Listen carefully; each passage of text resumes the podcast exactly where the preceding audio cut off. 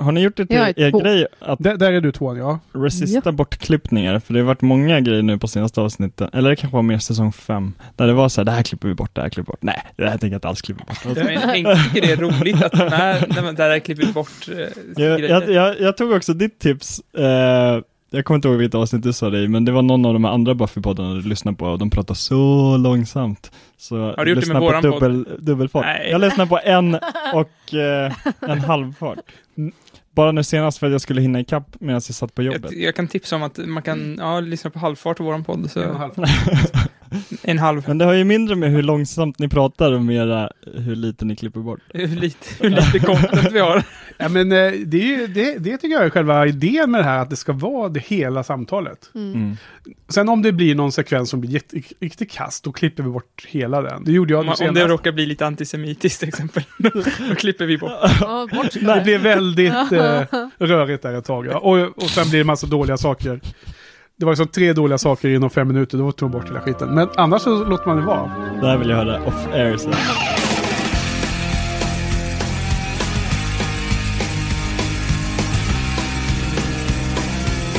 Hur många minuter är ett avsnitt? 42. Samma som svaret och samma som det här eh, avsnittsnumret. Här. Ah. Menar du svaret på frågan om allting? Och eh, Buffyverse och livet och eh, Buffy-podden där vi pratar spoilerfritt om eh, Buffy. Nu är vi uppe i säsong 7, avsnitt 10, 11 och 12 ska vi prata om. Eh, Bring the Night, Showtime och Potential. Det är inte bara jag och Henke. Nej, precis. Vi ska ju hälsa välkomna eh, veckans gäster som är här tillbaks igen. Välkända ansiktet Hedvig och Hej, hej. Hej! Välkomna Tack. tillbaks. Tack så mycket. Det är kul att vara tillbaka. Ja, annorlunda. Nu har vi kört solo några gånger. Mm. Eller ett tag. Är du nervös? Ja. det känns ganska sorgligt. Men hur är läget med er då? Jo, men det är bra. Vardagsbänken Ja, fortsätter. väldigt mycket så. Ja, detta ord som vi har myntat här i podden. Som Johan avskyr. Nu, jag tror, har du eh, vant dig vid det nu eller? Ja, ja, nu är, nu är jag Nu är det vardagsbänkmat. Ja, precis. Ja. Mynta nya uttryck. ja.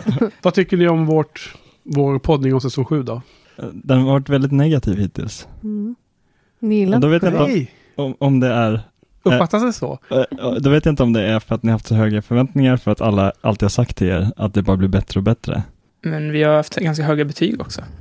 Höga förväntningar och höga betyg. Det känns som att Ja, nej, men jag ska hålla med faktiskt. Det känns som att vi har varit kanske mer kritiska än normalt sett.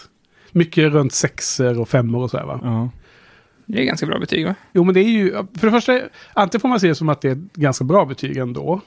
Om man väljer att se det så.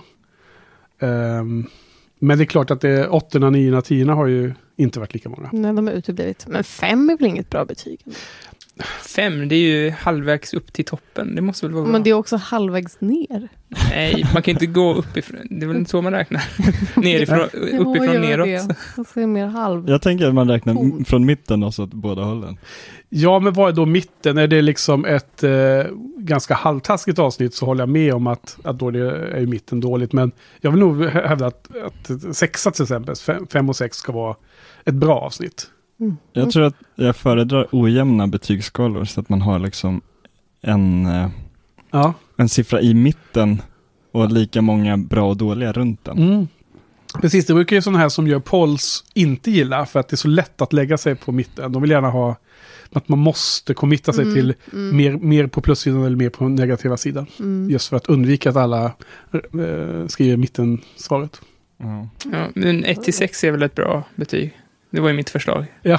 Då är 1 och 2 hur dåligt den är. 4, 5, alltså då är den godkänt till väl godkänt, eller vad man ska säga. ja, 34 eller? Ja, precis. Ja. 34 och sen 5, 6. Det är, då, då är sexan verkligen Ja. eh, 11. Is that any louder? Well, it's one louder, isn't it? Ska vi byta eller? Ja, men det kan vi väl göra. Vi måste hela tiden utvecklas, tycker jag. Vi har väl ändå en 10 avsnitt kvar här av de 144, så det Ja. är dags att byta Och det är nu. nu jag tror att det kickar igång Ja, med säsongen. Det, precis. Ja, men nu, tre är ju typ godkänt i våran skala. Nu tog jag fram skalan. Mm. Tre poäng är okej. Fem är bra. Men det, Ja. Och sex är, sex är Sex är Okej. bra med plus i kanten. ja, men då förstår Riktigt man det, för nice. då är det ändå att man förväntar sig att det är helt okej. Ja. Så det är liksom, åttan. Åtta otroligt bra, nio sensationellt bra och tio exceptionellt bra. Jag har fått kritik för att de inte, att de är för lika bra alla de där tre, men ja, Ja. ja. Alla de där tio. Alla de där tio. Nej, alla de tio kan inte vara lika. Nu måste vi ta skål på det då. Skål. Då har vi liksom Skål. Vi hit. slut i cirkeln när vi börjar, börjar Ja, prata betygsskala det är igen. Som, som som jag vi pratar om hela tiden säsong ett. Oh. Mm. Jag spillde ut massa. Okej, nej men så ni tycker att vi har varit lite för eh, kritiska till säsong sju. Ja. Eh, då kan man ju fundera på om det var, vad sa du, om det var förväntningarna eller om det var... Deras Inte. smak som var då. ja. Eller om det är så att, att det är jag som ser på den med förblida ögon. Ja, Men jag tror att jag också gör det. Ja, ja. och jag vägrar ändra mig. Att jag har svårt att se, jag tycker inte att något är direkt, jag tycker ingen säsong är dålig. Nej, Nej. Men kalibrera för oss här lite. Hur bra är sjuan då? Om ni skulle ranka dem. Så är det liksom det topp två, tre eller är det mitten? Den är topp tre i alla fall. Mm, det tycker jag Alltså ni gillar sjuan ordentligt mycket? Ja, det som. min, Ja. min minst favorit är ju sexan. ja. okej. Har, ni, har ni en favorit hittills? Jag har det i alla fall. Jag tror att trean är... Fast jag gillar ettan väldigt mycket i och för sig. Men ingen gillar fyran, jag älskar fyran. Nej, jag, jag skulle nog lyfta, av de sex som jag har sett nu hela, så är femman bästa hittills. Fyran Och är det nog i botten. Fyran tyckte jag var eh, dålig som total säsong eftersom det var så dålig Big Bad och det var ganska eh, eh, fragmenterad känsla. Medan det fanns vissa bra avsnitt Mm, ibland dem. Som Ja. alltid, som alltid måste man tillägga. mm, mm. Och sen så var femman jättebra och sen så hade jag otroligt höga förväntningar av sexan för att så många hade nämnt sexan. Som nummer ett då, då. Och då. Och mörkret och allting. Och det hade ju en jättebra inledning och en jättebra avslutning. Men som helhet med, med liksom lite sänkande i mitten så känner jag väl att, att femman var starkare Ja. totalt sett. Jag tycker ju om jät- äh, sexan jättemycket också egentligen. Ja. Det är bara det att jag, jag tror att, att jag har det där att jag inte vill ha vardagsbänken så mycket. Nej men det var ju det i sexan. Alltså, ja, precis. Ja. Det är därför den är min minst favorit av säsongerna, fast den är jättebra. Sexan? Ja. Okej, okay, jag uppfattade det som att du sa att den var bäst. Alltså. Nej, nej. Nej, sämst, okej. Men vilken var den bästa då? Känns det så starkt ord för något som är så bra? Jo, jo, men eh, jag blir helt förvirrad. Jag, jag, jag trodde att du lyfte fram sexan som Kanske det var det som var misstaget när ni lyssnade på vårat avsnitt. ja, det är mycket Ja. möjligt. Jag vet inte, jag kan inte välja. Nej. Vi, vi, vi går vidare. Ja, ja. Nej, men det, det är intressant att ni säger det, för att vi... Eh, det, det kan också vara så att eh, man är så... Vi är så inarbetade på att sitta och analysera avsnitten nu. Det är mycket enklare att se saker som man tycker skär sig, eller Mm. en skavank. Jo, det det. Och sen så tar man alla bra grejer för givet. Jag gick och tänkte väl alltid inför dagens poddning att jag gick och tänkte på att hur himla rolig Andrew är som karaktär i säsong 7. Mm. Men så, älskar Andrew. ja, ja, och han, han, han är ofantligt rolig. Alltså det, det blir väldigt roligt runt honom hela tiden. Sen kanske man inte gillar hans, vad han har gjort och så. Liksom. Det, det är inte det jag säger att det är bra att vara döda sin bästis och sånt där. Men han är himla rolig Han har eh, jättemycket rolig element i dialog. serien. Ja. Mm. Och så tänkte jag bara, men det har vi nog inte ens, ens lyft ännu. Men det har ju som varit redan. Men det känns väl som att han kommer igång med sitt roligaste i de avsnitt som vi ska prata ja, det, om idag. det är därför jag har kommit på att tänka på det. Ja. det kommer nu senare då. Men det är som ett exempel menar jag bara att det, kanske är så att man då man, man liksom blir lite blind på de bra grejerna för att på något sätt förväntar man sig att det ska vara himla om, omvälvande avsnitt efter avsnitt. Det ska vara liksom Hush och Once More with, the with Feeling och Conversations with Dead People hela tiden. Så att då har man liksom inte tålamod med de liksom mellanavsnitten kanske på samma sätt Mm. längre. Mm. När man fått liksom så många. Mm. Okej, eh, men eh, ja. Ja, ja. Ska vi gå vidare Ja, till inbox? det ska vi. Har vi fått några kommentarer? Trots att vi nu spelar in lite tidigare än normalt i veckan igen. Ja, ganska många faktiskt. Eh, Sofia som är vampyrexpert, hon eh, visste vad jag tänkte på eh, bättre än vad jag visste. De här konstiga käkarna som vampyrer hade, eh, som gick lite skevt. Det är ju Guillermo del Toro som har kommit på den och det är från Blade 2. Och de använder den också i The Strain, har ni sett The Strain? Ja. Eller några avsnitt har jag sett. Känner du igen käkarna? Ja. Jag är Ja. inte ett fan av Blade 2 och The Strain Del. Toro Vampyrer. Tack vare käkarna. Kanske. Jag har inte sett Blade som jag svarade Sofia. Ooh, Blade 2. Är det bra? Den är för läskig för Hedvig tror jag. Fruktansvärt. Jaha, och då är det ändå i stort sett en ren actionfilm. Jag tycker det var Ja, jätteläskigt. Det låter lovande. Men det är också länge sedan jag såg den. Ja, jag såg Blade Såg 1 den när jag var alldeles för ung. Mm. Jag såg tvåan med mina bröder och de höll för mina ögon. Det var Då blir det mycket bara. Ja, det äckligare var för det första. Det vet, det vet Ja. man ju. Ja, men då såg vi ändå Var det en, dina, dina storebröder eller dina lillabröder? mina storebröder. Mm. Okej, så du, du fick se den mot din vilja där då? Ja, eller jag ville ju. Ja. Men jag visste nog egentligen att det kanske var för läskig. Och en av mina storebröder visste definitivt att det var för läskig. Så han var ändå lite snälla med fingrarna. Men, Men ja. så hur, eh, hur, vilken ålder pratar vi om ungefär? Alltså när kan den ha kommit? Låt oss säga 2007? nära- hur nära var jag? 2007. 2002. Åh jävlar. Ja, Ja, jag jag, jag var var inte alls nära. ja, men då såg jag den ändå. Då var jag 12-13 då, typ. Men såg du den på bio? Nej. Nej, men då skulle du kunna ha sett den. Men- 2007. Nej. För jag tror att Ja. jag såg den så sent, men det var därför det. jag baserade min gissning på Okej, det. det var i alla fall jätteläskigt. Helt klart, du måste se de där filmerna då. Det verkar ju som att många... Nu har ju Guillermo del Toro snott från Buffy helt enkelt. Mm, ja. Den här übervampen. Men den har inte sådana käkar. Nej, det har den i och för sig inte. Jag tar tillbaka det. Ja. Nej, men det var ju lustigt för att eh, du sa väl någonting där och Sofia snappade upp det direkt som du var inne på. Hon, Vad har vi på. Ibervampan annars då? Vad, vad tycker ni? eh, generellt sett. Jag tycker att eh, monstren är lite bättre nu säsong 7. Mm. Om man nu räknar Mm. både Gnarlen och Mm. Übervampen. Så är Mm, de Gnarlen är obehaglig. ganska bra. Du menar i practical effects eller bara Ja. som I eh, hur de... och Nej, nej, utan hur de... Eh, kostym och eh, smink och maskavdelningen har jobbat med dem. Ja, jag. jag tycker Ibervampan är skitsnygg. Mm. Mm. Det är Ja. inga invändningar mot hans medeltidsoutfit. Ja, jag skulle nog föredragit att han inte hade så mycket kläder. Mm, jag med. För Jag tycker är att det blir lite samtida med fånigt First med alla de här skinnstyckena. Ja, alltså han ska ju vara någon slags neandertalare. Ja. de ju, Ja, så. ja, just det. En generation före de vanliga vam- vampyrerna. Exakt. Eh, skulle han ha mindre kläder, eller vad sa du? Ja, Han skulle vara mer eh, djurisk i sig. Liksom. ja, precis. För det känns inte som att han någonsin skulle ha satt sig ner och sytt de där Nej, kläderna. det tror inte jag heller. Men det är ju också oklart om, om det är så att han är Ska vi då tolka det som att det är en mer potent demon strain som faktiskt har livnärt sig på en neandertalare och blivit en turkan? Eller, Mm. eller är det fortfarande Homo sapiens men det är en, en, en mer direkt linje till eh, the original demon source som de pratar om i, Mm, är det säsong ett? Det är väl typ första avsnittet. mm.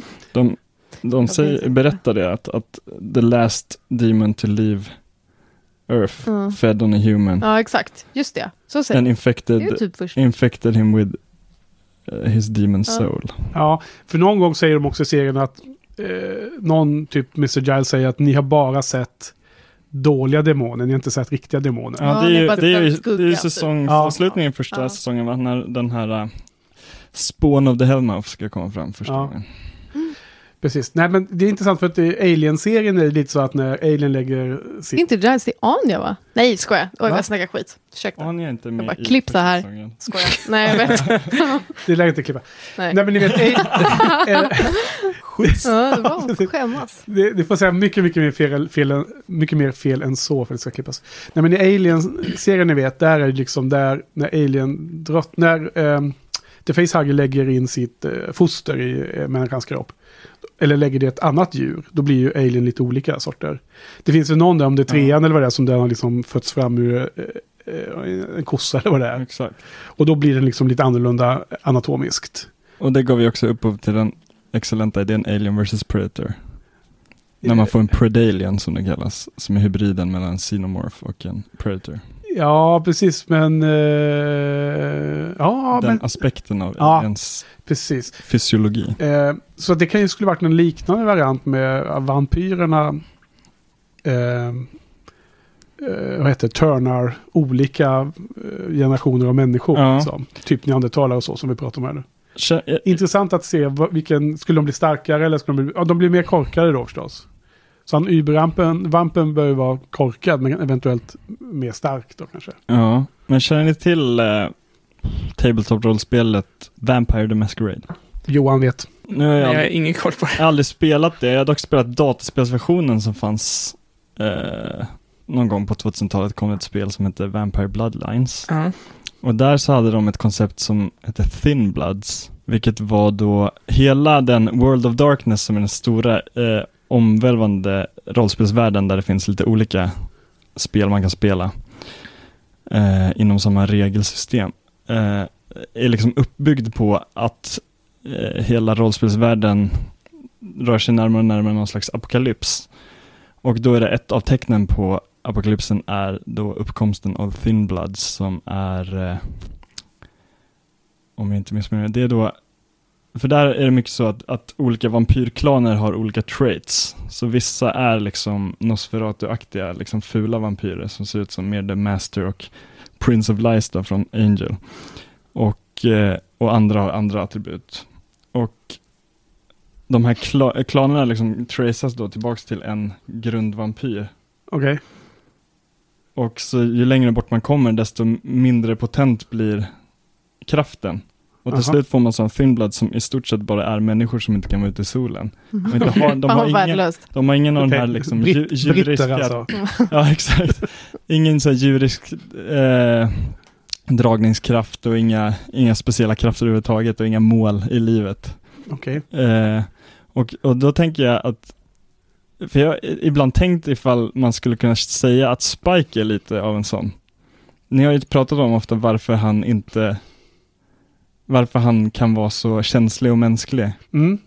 Och vad? Ja. Och det finns ju absolut inga bevis för att, han skulle, va- att det skulle vara så i Buffy-serien. Det är bara en parallell som jag har dragit, att han är liksom en urlakad, Du har hittat en, en förklaringsmodell. ja, Det kanske inte är helt binärt om att ha en själ och inte ha en själ. Det kanske är, man kan ha fragment av, av själen och sånt där. Så Ja. skulle det kunna vara. Mm. Ja, ja. Eh, den här rollspelsvärlden du säger, med massor med olika spel som ingår i samma ja. universum, det verkar eh, fränt. Eh, men jag har som sagt ingen som helst koll på det. Men det, det är lätt. Finns Bra. också ett Buffy the Vampire Slayer, the role playing game, Ja. kan jag tala om. Jaha. Ja. Äger the core ru- rulebook, men jag har aldrig spelat det. Nej, precis. Jag kommer återkomma till det senare, för jag har lite punkter med det att ta upp Ja. när vi kommer in på... Interesting. Är, är den officiell så att man kan, eh, kan hänvisa till den? Ja, Ja, det är köpt. Ja, det köpt? nej men det är i alla fall så pass, jag läste det, för jag googlade, jag ville se när det kom ut. Ja. För att i core rulebooken så, så, de har en massa bilder och sånt från serien. mm. Men den sträcker sig bara fram till säsong 5 och då undrar jag om den kom ut innan de två sista säsongerna eh, släpptes. Men det gjorde den inte. Nej. Men då läste jag också på internet att den är så pass officiell att typ så här, vissa karaktärers efternamn och sånt, första gången man ser det i print är i den eh, spelboken för att de som skapade spelet tog kontakt med Joss Whedon och liksom, vad heter Faith i efternamn okej. och så vidare. Hette hon Lehane? Ja. Men alltså, var det det du frågade om det var officiellt? Om det var kanon? Ja. Ja, okej. Därför att jag har ju också ruleboken för Firefly, role playing game. Jag har inte heller spelat det. Och det, det är också officiellt eh, licensierat. Mm. Eh, Så den står där eh, tämligen orörd, men det kan man bläddra i om man är sugen på att läsa lite extra någonstans. Det var den allmänna sån här eh, cold turkey-perioden när, Mm, när det var slut. Ja, och man måste göra Ja. något. eh, så ja. Eh, var var vi någonstans? Var vi på någon inbox eller? Ja. Eh, Randi har också spelat, skrivit eh, kommentarer. Hon eh, tycker att eh, Buffy har pålat vampyrer lite... Eh, alltså, i, inte, alltså hon pålat, pålat dem gratis i onödan. Just det. För att det, det fanns ju en scen där, där Buffy. Så åt The Watchers Council att ge Giles lön och retroaktivt och allt Ja. sånt- där. ja. Då kunde hon även liksom sagt att jag vill också ha lite lön för att jag Ja. Ja. pålar Det är vampyrer. faktiskt väldigt konstigt verkligen. att de inte Ja, lever på något slags precis. stipendiat. Nej, Ja, och då hade de ju hela det. säsong 6 blivit annorlunda. Ja. De har Men det är sluppit väldigt, på det här. det är väldigt konstigt, för de verkar ju också ha sådana på- outtömliga källor. Liksom. De bara Ja. flyger tvär, kors och tvärs och skickar Ja, De har, och, eh, Jag menar, de har ju pengar. de har väst till ja, kostymer. jag menar det, exakt. Ja, det är Dricker dyr whisky och liksom, ja. Ja. Så det är väldigt konstigt att det, det Och Buffy står och jobbar på Double Meat Palace. ja. På dagtid och jagar på natten. Mm. Ja, det var en bra... Ja, alltså att Giles kom med pengar var väl det minsta man kunde begära där. Precis, Ja. som alla hans pengar kom från henne då. Ja. Jo, men li liksom, eh, det är en jättebra kommentar. Jag menar, de har hela det där ekosystemet runt Ja, Council. Varför ja. inte då Varför in, ja. underhålla sin, Det är väldigt eh, konstigt, sin eh, den enda som gör något, som de skriver. Men jag, har- vi har haft uppe frågan lite tangentmässigt där, just att i ett annat avsnitt under hela serien, det är som titt som tätt så är det att de har någon ovärderlig dyrgrip som de har i handen. Som de antingen ska behålla eller att de, något ska hända med den Mm. eller används i någon spel och så. Mm. Men en av alla de här grejerna som var i The Magic Box, liksom, som Mm. var så ovärderligt. Ja. Bara liksom sälja den så har de ju haft pengar för hela säsong 6. Mm. Men det Ja, var också så att de också är så, Nej, det var Giles. Det skulle han, han ha i sin butik. ja men jag tänker att de ofta är så potentiellt farliga också att man inte bara kan sälja iväg dem. Att det är Jo, lite men du vet, du vet vad jag menar liksom. Det, det känns som att de hade massor med möjlighet om man bara bett eh, showen eh, tänka på det. Ja, jo, hon konstigt. skulle väl också Men- kunnat sälja av sitt hus och flytta till någon sån här liten lägenhet Bilsen lägenhet. och så vidare. Ja. Men det är inget kul, för det är vardagsbänken och det, Ja. håll det undan från min Buffy the Vampire Slayer. Med, med, med den kvaliteten på hennes plumbing så där, så vet jag inte om hon har fått så mycket för huset. Kanske det. Hon har hamnat i skuldfällan. Ja. Lånet på huset är större än värdet på huset. Ja, ja men det var en bra kommentar. Mm. Han pratar också lite om att mm, den här, och det har Sof- Sofia också pratat om i kommentarerna, att eh, det här med att blinka en gång för ja, två för nej, eller banka en gång, eller Mm. plinga en gång. Snyggt! Nej, ja. Så ja. Bra, det var två. Mm. Men eh, att det är liksom ett stand, alltså det är ett välkänt sätt att, att kommunicera på. Och det kan jag hålla med om. Men det var, jag tänkte mer på det här att man kommunicerar med döda och sen frågar om de är okej. och sen säger de nej. Det är väl det som är det läskiga egentligen. Mm. Inte, att de, mm-hmm. Jätteobehagligt. inte att det bankas. För Ja, det, Men var det, inte det här ett svar på att du pratade om referenser till Stranger Things och Mm. så vidare? Ja. Jag vet, men jag, ut frågan om det fanns andra referenser och folk skulle hjälpa till med den. jag, tror att, jag tror att jag uttryckte mig slarvigt. Ja. Jag, det var inte själva kommunikationsmedlet som jag tyckte var likt, utan det här med att fråga. Ja, de här andra sidan. frågorna som Mm. var Mm. den, i det flödet där. Men ni, eh, ni två, eh, Harald och Hedvig, ni, ni tyckte verkligen att de här scenerna var ganska scary, förstod jag på Mm, Ja. jag tycker här. att de är jätteobehagliga. Ja. Det är härligt att höra liksom, för att de, visst är de det, men Ja, det är, det är svårt att veta hur väldigt andra bra uppfattar användande scenerna. av ett jätteläskigt monster som man aldrig får se. Den där som sitter Ja. och bara Ja, crouchar sitter på. ovanpå. Alltså hukar över, ja just det. Mm. Man får se det Mm. jättekort va? Ja. Blålila Ja, och, och ganska... Det någon- blir lite spikig Ja, nästan. någon- usch. Vad sa du? Att den har som liksom lite så, inte spikar fel, men liksom saker som sticker Kantig. ut från lederna liksom. Ja, ja. Det skulle man nästan freeze-framea för att man hinner inte riktigt uppfatta hur den ser ut. Nej. Nej, Får man, får man träffa den rackaren igen eller? det kan vi Kom- inte svara på. Nej, okej. Okej, nu ser vi, vi, vi ser svaret tyst här i rummet. Ja, bra. Bra, du håller spoiler. Ja, jag- Spoilerfanan När ni, högt ni Harald. säger så att det börjar spoilerfritt. Ja. Eller ni säger att, eh, att det är en spoilerfritt prat om Buffy Vampire Slayer. Och det är det ju för, för avsnitten framåt, men det är inte egentligen den klassiska definitionen av en spoiler-free review. Nej, nej, nej, jag vet. Det är alltid en definitionsfråga. Vart Ja. drar man gränsen och så vidare och så vidare. Nej, men det, det, tanken är att det ska vara spoilerfritt från alla, för all Ska det vara framtid. helt spoilerfritt ska man inte lyssna på någonting eh, Nej. överhuvudtaget. Och Patrik. Patrik har skällt på mig för att jag tydligen har spoilat här flera gånger om här nu. Ja, men Patrik ska inte kasta sten i glashus den jäkeln. Vadå?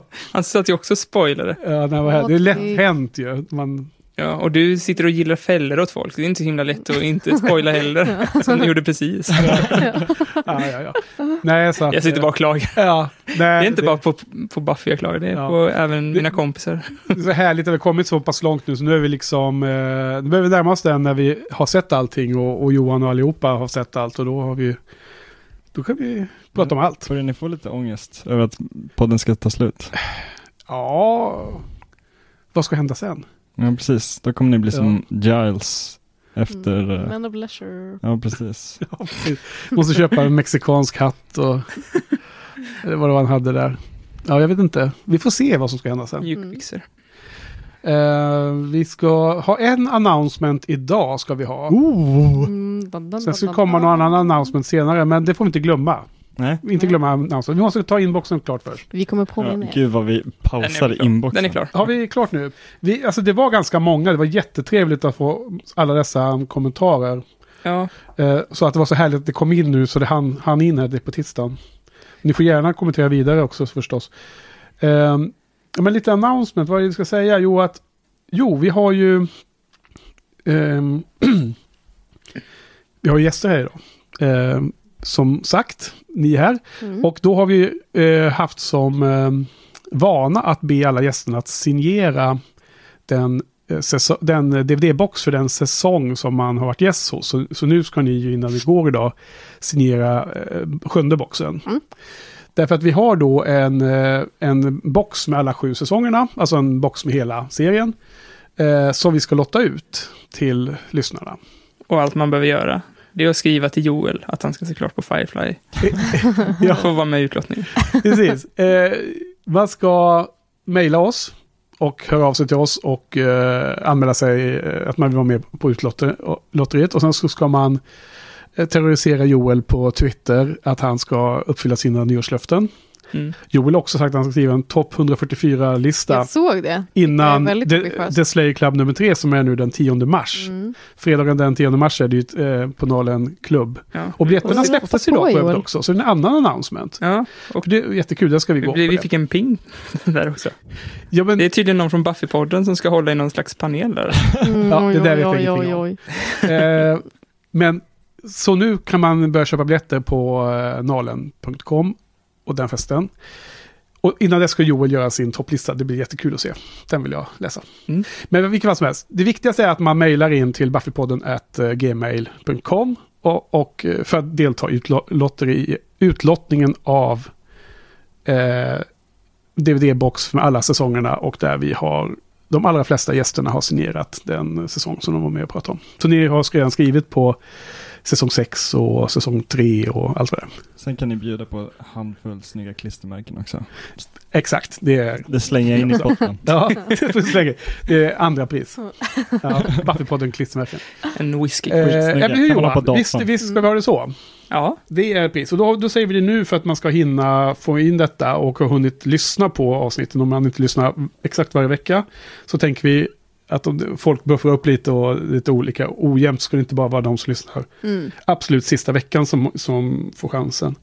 Så vi säger det nu. Nu ska vi bara kolla här. Vilket datum är... Just det. Sista februari är sista eh, dag att delta i tävlingen. Mm.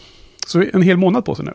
Är det sista... Perfekt. Är det inte sista januari då? Jo, imorgon är det stämmer. första. Februari är eh, the month of um, competition på Buffypodden. Ja, nu tog vi i god tid där.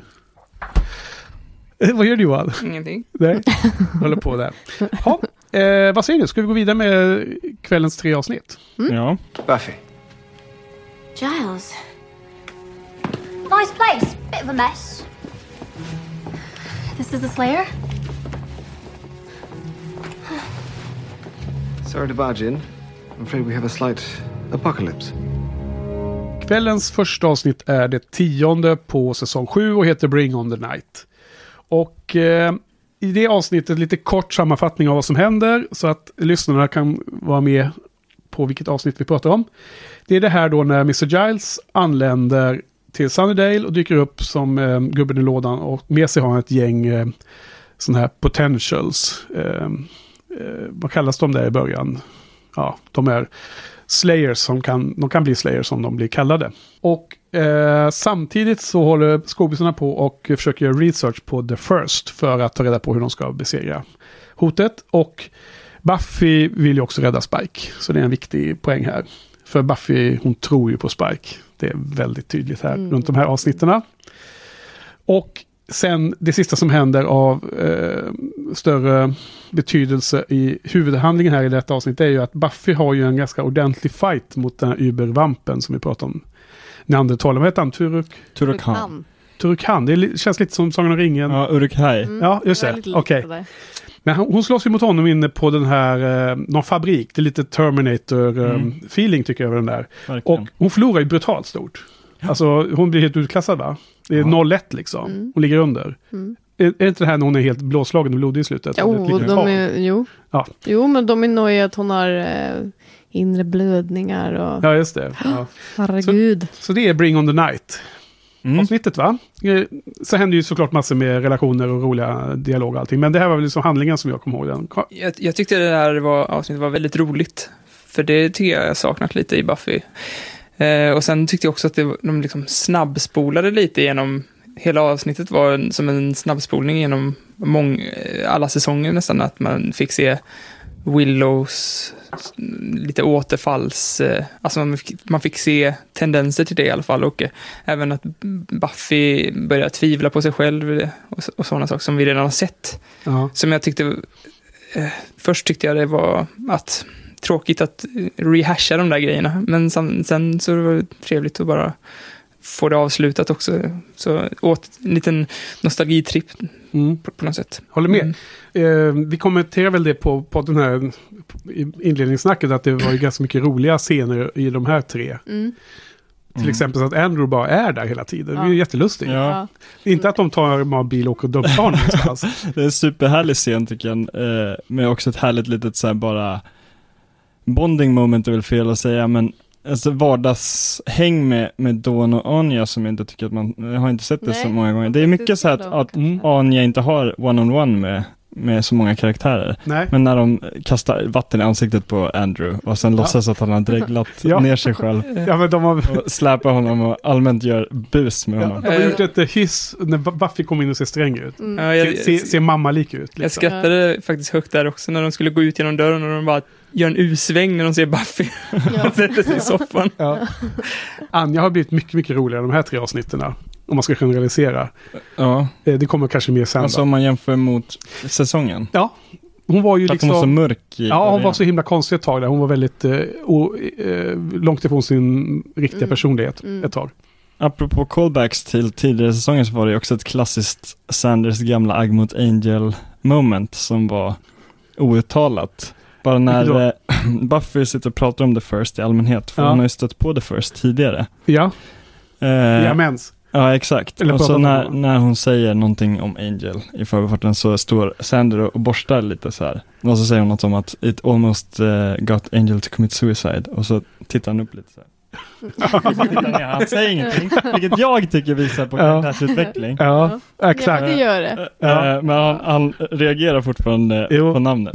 Ja, det, ja, det är sådana här små saker som är otroligt bra när man ser om avsnitten och ser dem för andra, och tredje, fjärde gången när man Mm. upptäcker de där små.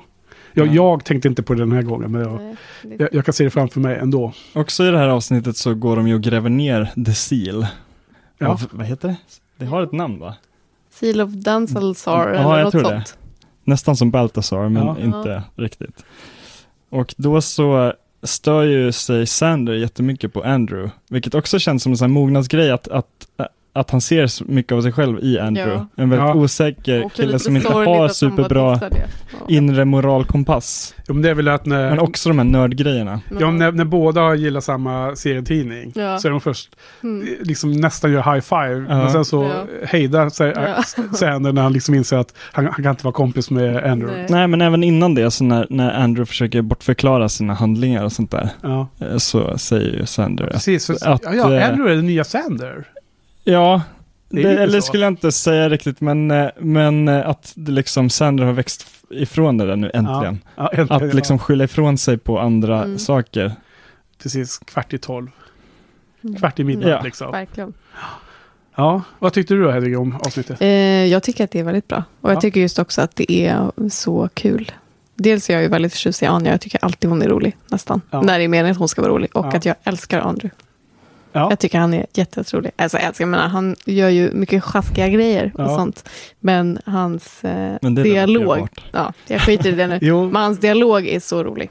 Det, var lite trå- det är nästan lite tråkigt att inte de hade, Jonathan och han hade bytt lite roll där. Så att, så att eh, Andrew var den snälla, alltså snällaste av trion. Ja. För att nu, Ja. så här, det är svårt att tycka om honom när han är sånt jävla Röv. Ja, och, ja, precis. Och samtidigt så, Ja. jag håller med. För Samt som sagt, Men de det är, röv, de är ju rövhål alla tre. Jonathan blir- är ju också det. ja. I, i liksom, Fast han, vissa han, avsnitt så Jonathan är blir ju han ju- god först, men han är också en mer en sorglig karaktär, medan Andrew är Ja. mer en, kanske... en, en goofy Ja. karaktär, i mina ögon. ja. Samt som jag tycker att de är så himla, de är ju så hårda mot Andrew Ja, hela tiden. Ja, och det det kan de förstår vara. man ju att de är, såklart. Samtidigt som de är ju liksom väldigt, de är ju ändå allihop överens om att Spike blir förlåten eftersom att han var kontrollerad av, av The First. Ja, eller Samt som Andrew är ju också, han är ju ändå djupt insnärjd där och manipulerad. jo, Liksom. jo, jag vet. vet. Så att ja, han har fri vilja, men det är ju ändå liksom, det Alltså- finns väl någon gråskala där ändå.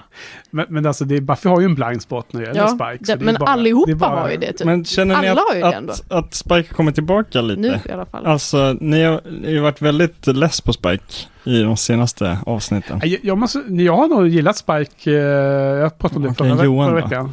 Ja, Jag hörde inte, han ju inte höra klart det senaste avsnittet. Så. Ja, men jag tror att han börjar ta sig lite. Det känns som att eh, Andrew är nya Spike. För att han, han har ju moraliska, Ja, problem. ja, och, eh, och får ändå vara med och skratta. Alltså, han är lite som i Spikes början på resan där, när man ändå skrattar åt honom. Mm. Men det känns som att snart kommer han vara med i gänget och så kommer han vara i samma sak som Spike. Att man så här, helt plötsligt eh, bjuder in en mördare i Scooby-gänget. Mm. Det, det Ja. vet jag inte om jag gillar. Nej. Jag tycker vi kan fortsätta skratta åt Andrew, precis som vi skrattade åt Spike förut. Ja. Då är det okej, men inte mer än så. Himla lustigt att du formulerade att Andrew är den nya Spike. För det var precis samma som jag satt, satt och tänkte när du, när du Mm. sa det. Mm. Du sa, Henrik. för att det stämmer ju precis det du säger Johan. Det, I början där ville ju Spike vara med mycket mer. Alltså innan han var på de goda sida. Så fanns det ju också tillfällen när han liksom, man såg att han var liksom sugen på att vara med i gänget men inte fick. Mm. Liksom, I olika tillfällen liksom. Samma så här att, som Andrew flera gånger liksom, när, när de ska gå iväg och göra någonting så vill han hänga på. Men så blir han alltid stoppad av Buffy. Mm. Nej, du ska vara kvar här Ja, liksom. Och så ser man hur besviken han blir liksom. Ja. Och så säger hon, ja men du har ju gjort detta och detta och så. Ja, så blir han liksom, nej, synd att jag har gjort det liksom. Ja. Ja, får han gå och sätta sig i soffan igen. Mm. Nej, väldigt roligt. Sen, eh, kul scen när han, eh, när Mr. Jax berättar om att eh, Watchers Coun- Council har eh, sprängts i luften. Då har han ett helt absurt utrop där då. Liksom, And it cost them their life. And it cost them their lives, liksom. Men det är också fint där. Ja, men det är också fint där, för Anja är också himla kul. Och hon är också rolig där, att hon Ja. tänker, att hon bara antar att det är Giles som har sprängt The Watchers Council. Hon bara, "Åh, du blev så jävla upprörd va, så att du sprängde. Ja. Det är också fint. Det är hennes tolkning, ja. Ja. Men Andrew och eh, Anja är också väldigt roliga ihop. Ja, Det är också, det känns som att författarna verkligen tar tillfället i akt nu med Andrew att liksom få slänga ur sig alla de här, eh, vad som senare eh, man kan kalla community-aktiga, eh, liksom nästan Mm. tvångsmässiga Mm. spottandet av populärkulturella kulturella Ja, men- referenser. Ja, Han väl- sprutar ur sig mm. referenser. Mm, Det det är nästan lite för Ja. mycket. ja kanske. Tycker du det? Det Det tycker Nej, inte alltså, jag. Det är lite kul, men det är ju, om man jämför med community så är det ju, community gör det ju mer organiskt i, i en dialog. Men jag, Här, här är det mer som att men jag, en kulspruta. jag tänker också att det är bara kul att han gör det för att det publiken som uppskattar de referenserna känns som att den var mindre när det här sändes. Ja. Det kanske I var alla fall mindre sätt att lära publiken att Ja, precis. Mm, jag tror att det här kanske. måste hända för Mm. att community skulle funka så bra. Som. Men jag tänker också att det kändes mycket, eller under säsongen när eh, The Trio är med så mycket, det känns ju i dialogen att manusförfattarna gillade Trio. Jag menar att, det var, att det måste varit väldigt kul att skriva den dialogen. Och då är det kanske också vis som att då när Andrew nu är med igen, då passar man på att liksom skoja på samma vis. Mm. Liksom, I arbetet. Tycker ni generellt sett att eh, showen hittar tillbaka till sin klassiska Joss-humor? Från att ha varit lite vrång ett tag, showen som sådan. Ja, men lite kanske. Eller det är ju väldigt mycket som är roligt tycker jag, det Ja. avsnittet. Och ju sådana där små grejer som jag tycker att när man tittar om ska jag liksom säga, just det, de säger det där typ. Och Ja. sen refererar till Andrew som sleeping ugly typ. Man bara, okej, det är ett billigt skämt, men jag tycker ändå att det är kul. Ja. Så att det, Ja. Det, jag tycker också det är kul när han säger att The First är ett, ett svagt namn på en skurk. Och han tycker de ska heta Lex, eller Voldemort. Voldemort. Ja. Obligatorisk Harry Potter-referens. Ja, precis. Du då Johan, vad, vad, vad, vad tycker du om hu- har humorn tagit sig lite eller? Ja, men det, det var det. Det var det som var mitt eh, huvudargument här. Det, det här är ju det bästa eh, avsnittet hittills eh, i säsong sju vad gäller humor, Mm. tycker jag. De träffar ju också på Wood där nere i källaren. Ja. Mm. Vad har vi på honom hittills? Ja, Men lite skumt vad han håller på med. Det är, han är fortfarande oklart efter de här tre avsnitten vad han håller på med egentligen va? Ja, Sofia, eh, jag tror jag det var, som Ja. skrev kommentarerna och tyckte att jag avfärdade hans eh, nedgrävning av Jonathan lite för fort. Att det inte är så enkelt i Joss-världen. Och det får jag väl, ja men det, jag hoppas väl också att, att det inte är så enkelt. Mm. Att, det, att, han, att det är något Att det ska finnas någon förklaring till varför han gjorde så. Ja, för jag tycker att även att vi, jag det var länge sedan vi såg Amends ju. Och nu fattar jag inte riktigt The Firsts power riktigt. För att han kan replicera, alltså han kan bli en person som är död Mm. och ta över deras minnen typ. Ja. Och, eh, men han kan också vara inne i folks huvuden. Hur menar du med de här Joyce drömscenerna? Eh, jag tänkte, nu gick jag kanske händelserna i före, men de, han, han eh, dödar ju en potential och liksom utger sig för att vara den eh, potentiella. Mm. Ja, precis. Ja. Mm. Och så har han väl gjort... Men Kan, då ja, är Joyce, Men det är. Alltså, men då är- då är det ju en av, bringer eh, som The har Bringers. knivat ihjäl Ja, som gör det. Och sen så tar Och sen kan han- formen mm. av... eh, Ja. Okej, men har, har det förklarats hittills? Det har det inte va? Nej, men Nej, alla andra har, men de potentials säger- man har sett dö har ju blivit dödade av bringers. Ja. Och de säger ju att han inte De kan ta eh, liksom, Jo, fast alltså, form. Jag tror det frågan var om, om The First eh, sätt att arbeta och hans makt är förklarad. Och det, den är förklarad i, tec- i... De har väl berättat hur The First funkar va? Ja. I det här läget. Jag tror de gjorde det i Conversations with Dead People.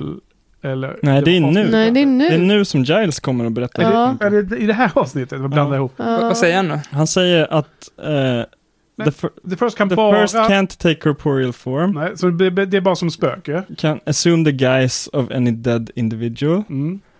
Eh, och de här minnena och sånt, det tror jag man bara, och maneren de pratar på, det får man nog köpa bara att den, eh, den samlar på sig. Att den kan Att han har access till, det, eh, till de dödas. Mm. Ja, de eh, förklarar det ju lite närmare senare. Ja, men jag, tror, jag hoppas Men, på det, eh, för att det, det är det som jag liksom tog upp nu, att han kan ta formen av folk som har dött. Mm. Men, Ja. Sen exakt hur det går till, det... det, men det tycker du att det är svårt att köpa? Nej, men punkt två då. Ja. Det är ju att han eh, befinner sig inne i huvudet på folk. Eh, Ja, eller Min- är, det inte frågan, är inte frågan att ibland syns The Firsts För alla, ja. för alla. Ja, och ibland ibland bara för verkar det som att det bara är i huvudet på någon person. Ja. Att, att eh, när Spike såg sig själv som spöke, som var First, Mm. spelade Spike. Mm, exakt, då var det bara Då var det bara Spike som såg den. Och det även när Joyce kommer ibland, typ pratar med Dawn och sådär, så tror jag att det finns någon scen där ingen annan ser att, hon var där, eller om det var Buffy. Nej, det är Buffy, men där vet man inte om men- det är det first eller om det bara är drömmar. Nej, det alltid men, men, men det har ändå varit så att det ibland syns... Men Men Eve ibland syntes syns ju för alla ju. Ja. Sen att hon då bara var ett spöke och ingen märkte det är kanske lite svårt att tro på. Men, Man, men tycker det att, det. man tycker ju att någon De borde ha tagit hade på sig. honom. De höll på att Ja. träna och dittan och har de börjat träna då? då? Ja, men, Jo, det, det har de. men det funkade tydligen då. Nej, man ty- vadå, de slaggar ihop och så. Man tycker ju bara att någon borde bara, kan du räcka Ja, hon har med varit där flera, kudden? flera dagar typ. liksom.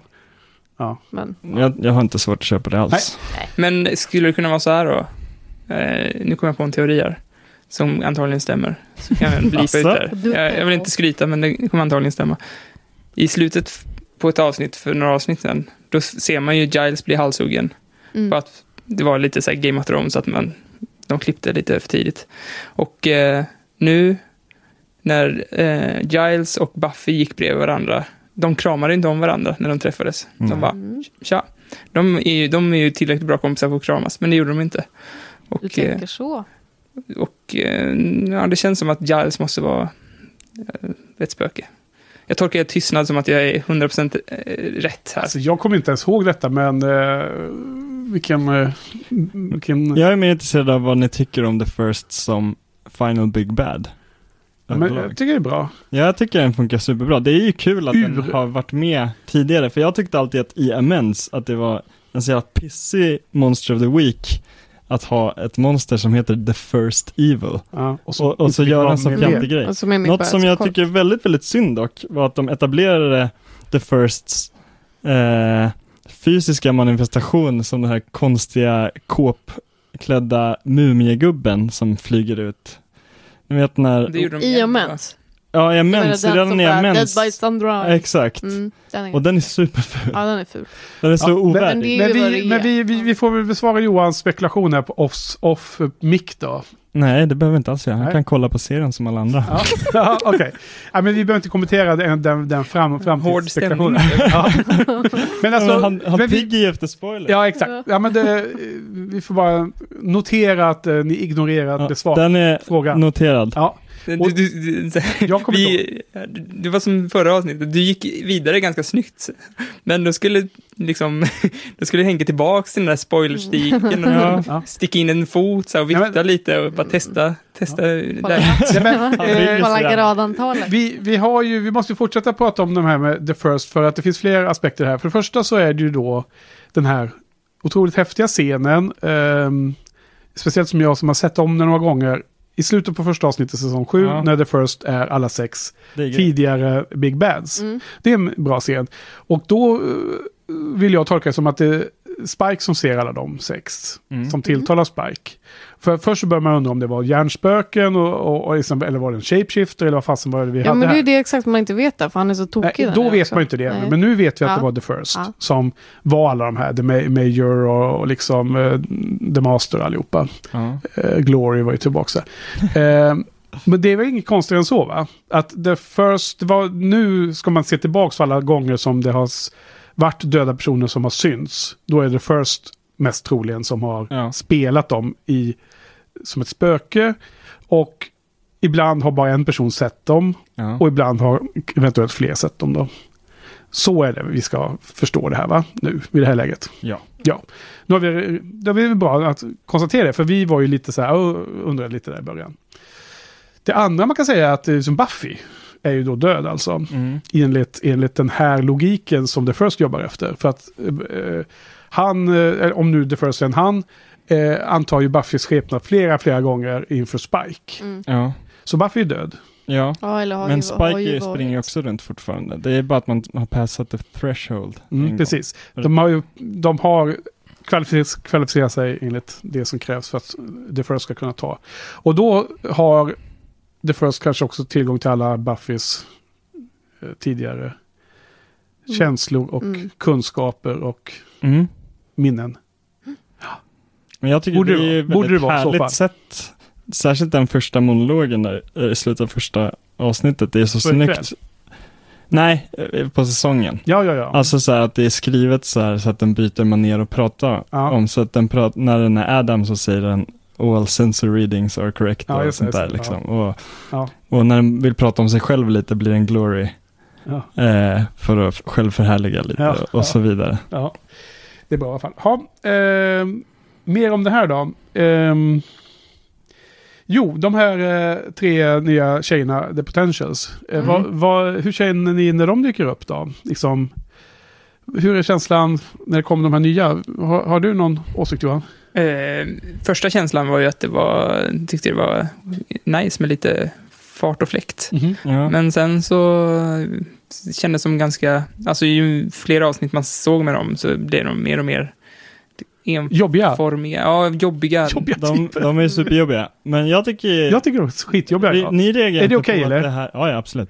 Eh, ni reagerar inte på att det här är en sån otrolig retcon av hela Slayer-mytosen? Det är ju aldrig Jo, det någonsin jag- nämnts tidigare. Inte Att, ifall vi tänker på... Vadå, en sam- återkonstruktion? ja, att man kan liksom... Eh, Hitta på något nytt? ja, enkelt. att man bara, jaha, så de kunde tracka alla Slayer bloodlines. Eh, Jaha, The du Council menar- och liksom ja, många av dem har borde man- redan en ja. Watcher. Eh, Watchers Ja, det är Council är så stort så att de kan ha Watchers som tränar potentials som Ja. aldrig någonsin kommer bli Ja. en Slayer. Ja, du menar att det är lite nödlösning där? Ja. Alltså jag tycker att det funkar, men det är bara lite märkligt. Jo, men det är det ju. Jo, eller för då tänker jag, då kan man ju också bara komma tillbaka där till sexan när Buffy jobbar på Double Meat Palace och inte har några stålar alls och håller på att gå under. ja. Eller det är ju samma grej då, att de, Fast verkar- bara just att de har, ja, men att de har så otroliga avsagt sig- resurser. Avsagt sig The Council, eller hur? Förvisso, men, men eh, det var ju också en diskussion på på kommentarssprång där lite om att, och de, de pratar ju om det här i, i något avsnitt när vi kväll, att åh, nu måste Buffy dö, då när Dawn tror att hon är en Ja, potential. Och att precis. då måste Buffy dö för att jag ska bli en. Men det är ju helt Det fel. inte det är ju. Face som Ja. har, som Ja, har det, det, stafettpinnen. var det dit jag skulle komma, för Ja. det här avsnittet gör ju att din teori måste vara fel då, eftersom Nej, Jo, nej. du har rätt, men Joss har fel. Eller? vadå? Du menar? Nej, men att det, det här med att du sa att eh, Faith är The Slayer nu, så att om Buffy dör, då...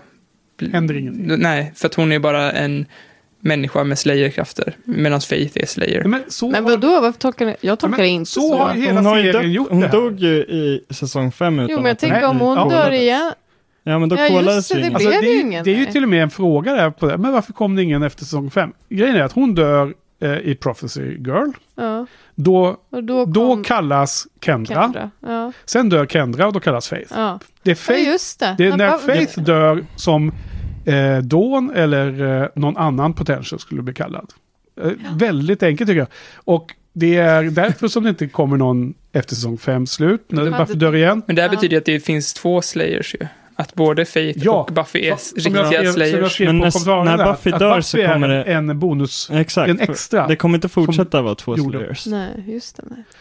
Ja, det, Varför kommer inte... Eller, För att Buffy har ju dött redan det utan att någon, utan att någon fem. kallades. Så det är bara, det är bara eh, Mm. det är bara Buffy Faith som är... som är en, en carrier liksom. Mm. Men fast de säger ju att... Buffy säger att om jag dör så kommer någon utav er Ja, Ja, hon- och då är det fel där. Hon har ju inte fattat det här själv riktigt hur det hänger ihop. Och Mr. Giles har inte heller valt att belysa det. Men det är en annan sak som är konstig med Mr. Giles. Sluta mansplaina Buffy. Jo, men, något annat som är konstigt är att Mr. Giles dyker upp igen. Och han har i och för sig tagit semester för han vill bo hemma i England och så här. Men så kommer han med massor med brudar här som är eh, potentials. Och då är det Buffy som ska träna henne. Men vi har ju en Watcher. liksom, varför tar inte han sin roll då? då om det är nu apokalypsen Ja, framför jag sig. tycker att hans eh, roll i Buffy är eh, dålig. Han borde nästan inte vara med mer, för att det är så Mm. oklart vad han har för roll i gänget numera egentligen. Ja, Det, var nästan, det var till och med bättre när han gick hemma med mjukisbyxor, då hade han ju en tydligare roll än vad han nu Ja. har nu Att han inte hjälper till med den, det han är som typ tränad för är lite eh, surt tycker jag. Ja, han kommer ju aldrig med några visdomar eller någonting Men, längre. eh, Men hur mycket har han varit med i tre avsnitt nu? Ja. Och i ett av dem är han borta hela Ja, precis. Så Det var, ja, och sen är det lite synd tycker jag också att de inte eh, håller på Om det där. Håller på lite mer. Det står alltid så här guest starring Anthony Stewart Head liksom i... ja, du I en spoiler att Ja. hans namn dyker upp. Ja, det är det ju. Gud. Jo, det är det ju. Alltså om han dyker upp helt plötsligt och Men bara det här är ju står, med står utanför i dörren. var och varannat avsnitt ju. Jo, men nu när han kommer tillbaks liksom. Eh, nu såg vi honom där i England, men när han, de hade kunnat hålla på det lite mer. Ja, okej. Tror Eh, Men hade vilken, vilken av de tre potentials då, som kommer avsnittet tycker ni är störigast? Ja, men Kennedy, Ja. såklart. Då, är då vi överens om det. Tack. nej, alltså det är den enda jag, jag kan eh, stå ut med. Hon är lite, de Nej. andra är ju så himla konstiga. Nej, Vilka, Molly, vad Mo- heter de nu då? Molly är hon som eh, är... Men det är någon, någon som och dör. Det är Ja, någon, det- som- nej, två stycken. Annabelle, det är någon dör. som springer iväg och blir Ja, dödad. det är direkt. Annabelle. Ja, okej, Molly så hon, hon, hon som... räknas inte eller? Nej, Molly är hon som är, som är väldigt, som är hungrig mycket. ja, Ja. hon Och som känns lite så här, benvärmare Ja, på armen. det Ja, var exakt. Trion Hon känns lite Biscuits goofy sånt. typ. Ja. Ja. Ja, man Det känns Ja, hon hade, bara hon en hade gång några. Det känns- strumpor på händerna. Ja, vad var det känns som att uh, ännu en gång kommer Buffy-författarnas nästan perversa böjelse för att skriva brittiska karaktärer. De älskar verkligen att säga peckish Ja. och Mm. ja, vad fan säger man, bloody älskar de att säga. Ja, jag vet. Mm. Eh, Okej, men vad sa du? Det var Molly och sen så har vi ju Annabelle är hon som i- dör. Viv, eller vad heter hon? Vivian. Vi, men de, Vi- Vi- men- Violet tror jag, eller? Vivian. jag vet inte Violet. om hon heter Violet eller Vivian, Jag vill kallas säga Violet, kallas så. Men då, det kommer sen Det i nästa nästa. avsnitt. Men de presenteras aldrig utan då är de bara ett helt gäng fler. För att Ja. de pratar ju om att Giles åker fram och tillbaka mellan Ja, men vilka tre är det nu då? Det är Det är Annabelle, Molly, Annabelle och Kennedy. Och Ken är den enda som har lite eh, jäkla Ja. namma av dem. Ja. Ja. men hon är ju den enda som är... Jo, men Hon det är gött mycket. att det är lite mycket? mamma. Nej, men det är Ja, men hon har- man behöver inte dissa hon- för det. Men hon, hon, är eh, så... Hon står och ställer lite med vart de ska sova och sådär. Det är det du tänker på? Nej men det, är så, det kanske inte det har är väl en kommit så mycket trevlig än. liten Men, raggningstaktik, tänker jag. men hon är så det kanske himla kommer uppmärksam mot Buffy. Ja. och tror att hon kan Och det mer. gillar vi inte. Ja. Nej. Det gillar ni inte. Okej. Ja, eh, Mirage, eh, ska vi börja wrap it up på det här avsnittet? Ja. Eh, har ni något mer som ni vill eh, lägga till? Mm, Jag har bara en liten Ja, punkt till och det är bara det att jag tycker att det är härligt att det först eh, imiterar eh, Drusilla. ja det är härligt. För att jag tycker att hennes dialog är lite härlig och kul. För den är så annorlunda från eh, den liksom vanliga Buffy-dialogen med hennes lite så här poetiska, eh, vet du det? Eh, ja, det är med. Men liksom gåtsvammel då. Det tycker jag är lite härligt. Alltså, det är jättehärligt att se Drusilla igen och det är verkligen tydligt att The First har access till hennes manér och hennes sätt Mm. att prata. Så han har ju... The First får ju hela personligheten på köpet när han eh, Mm, antar olika former. mm. Jag, jag håller med, det är då när hon på jävlas med Spike. Han, Ja, han sitter i kedjan. Samtidigt som också tycker att det är, som så här, ja, det är så himla mycket Drusilla i det. Liksom. Och det ska det ju vara. Samtidigt som det blir så obehagligt då. För Spike säger typ så här, you're not her. Ja. Och hon bara skrattar och bara, no, I'm really not. Typ. Och Ja. det är också så, Ja, Men jag har några saker till. ja. Eh, jag vet inte vad ni tänkte om det när Willow gör den här, eh, jag vet inte ens vad, vad ska de med den, med den eh, formen till? Men the first liksom äntrar hennes kropp mm, ett tag och hon får svart hår i några Mm. sekunder och så Mm. kommer den här projektionen ut ur hennes mun. Eh, de ska göra locator spell. Ja, det vart kan- The First är därför att då, Ja, där, där är Mm. Spike. Precis. Det är en bra scen. Men det, det känns Det konstigt för att, eh, för att det känns som hela grejen med The First är att eh, den är överallt. Men Ja, oavsett, den scenen, ja, då så, jag gillar ju, eftersom Sandra har fått så mycket skit ja. genom åren höll jag på att säga nu, men genom säsongerna av Buffy-podden. mm, med rätta. Nu, äh, men nu tar han ändå lite charge, jag gillar att han springer Ja. fram snabbt och slänger Mm. urnan i väggen, inget snack. ja. Sen gillar jag också att han springer till Anya först. För både eh, Willow, Buffy och Anya blir slängda i väggen liksom. Mm. ja. Och att han springer fram till Anya först och fortfarande ja. har sina, priori- ja, sina Mm. prioriteringar Så där. fin. Sen har jag också här att lite fler som ringen eh, referenser förutom Turk Hans Mm. urkajighet. Ja. Så har vi också den här lilla Det är en liten, liten melodislinga. Det kanske är nästa avsnitt först. Mm, Jo, det är det. När hon har en, en eh, Jag skrev upp om den Ja. lilla. när hon har ett, ett in- inspirerande tal, så är det en Ja, liten exakt. eh, melodislinga som på, är ganska också, Exakt! det är också Men du, vi, får återkomma till den. Okej, men då så har vi också en till här. När hon slåss mot Ubervampen Mm. Första På gången. fabriken. Nej, första gången hon är nere i grottan. Ja, Mm. det är korta fighter. Ja. exakt. Så För- för- klättrar hon upp. Matchen, före matchen. Hon klättrar upp och så kommer Giles springande i soluppgången. Lite Ja. så här Gandalf Ja, det och är Helm's. Ja, det är det. Mm. Men du, varför är han inte vid hålet för? Det är så jävla irriterande. Första gången hon kommer upp, varför tar inte Giles och bara lyfter upp henne? Nej, då har han vandrat iväg då. Ja, men han letar väl Men efter en hon- annan öppning. Ja, och hon säger I'm gonna take nej, it out. Jag måste, måste gå och titta på blommorna. Liksom. Om han skulle sträcka ut handen och hjälpa henne upp så skulle hon märka att han bara är ett spöke. Ja. Mm, just det. Johan är inte dum. Men du, vi måste återkomma till det med musiken där. Ja, Det känns som den du sa Varför att jag var dum. det på en gång? Men du, ha- ja, men det, Du, du, det nästa- ju- ja, men du nästa sprang ju i förväg förut. När, Ja, men det jag är ju nästa avsnitt. om då. Ja. Ehm, Visst. Går vi vidare då? nej, jag har några, eh, mina sista små. Okej. Eh, Sofia called it. Hon sa ju väldigt tidigt i säsong 7 att det var mycket bättre fight-scener. Och jag måste bara göra Mm. shout-out till henne. Mm. För jag håller med. Jag tycker att de här... Fight-scen här nu, då ganska stor fight-scen mot Ubervampen och en, en till då i nästa avsnitt då, show, show, Showtime-avsnittet. Och båda de är ju liksom bra för att de är så brutala. Mm. Man, man ser att det är riktigt duktiga martial arts, eh, vad heter nu en sån här eh, stuntpersoner som Mm. gör fighten. Som jag då tycker är mycket bättre än det var tidigare. Så det är helt klart, eh, Sofia var, var tidig på att se det.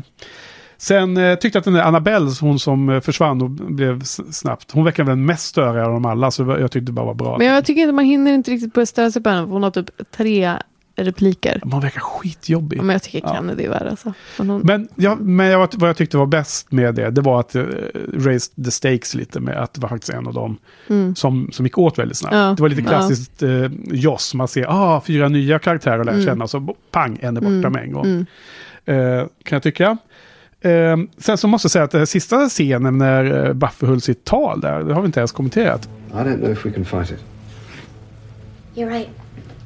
We don't know how to fight it. We don't know when it'll come.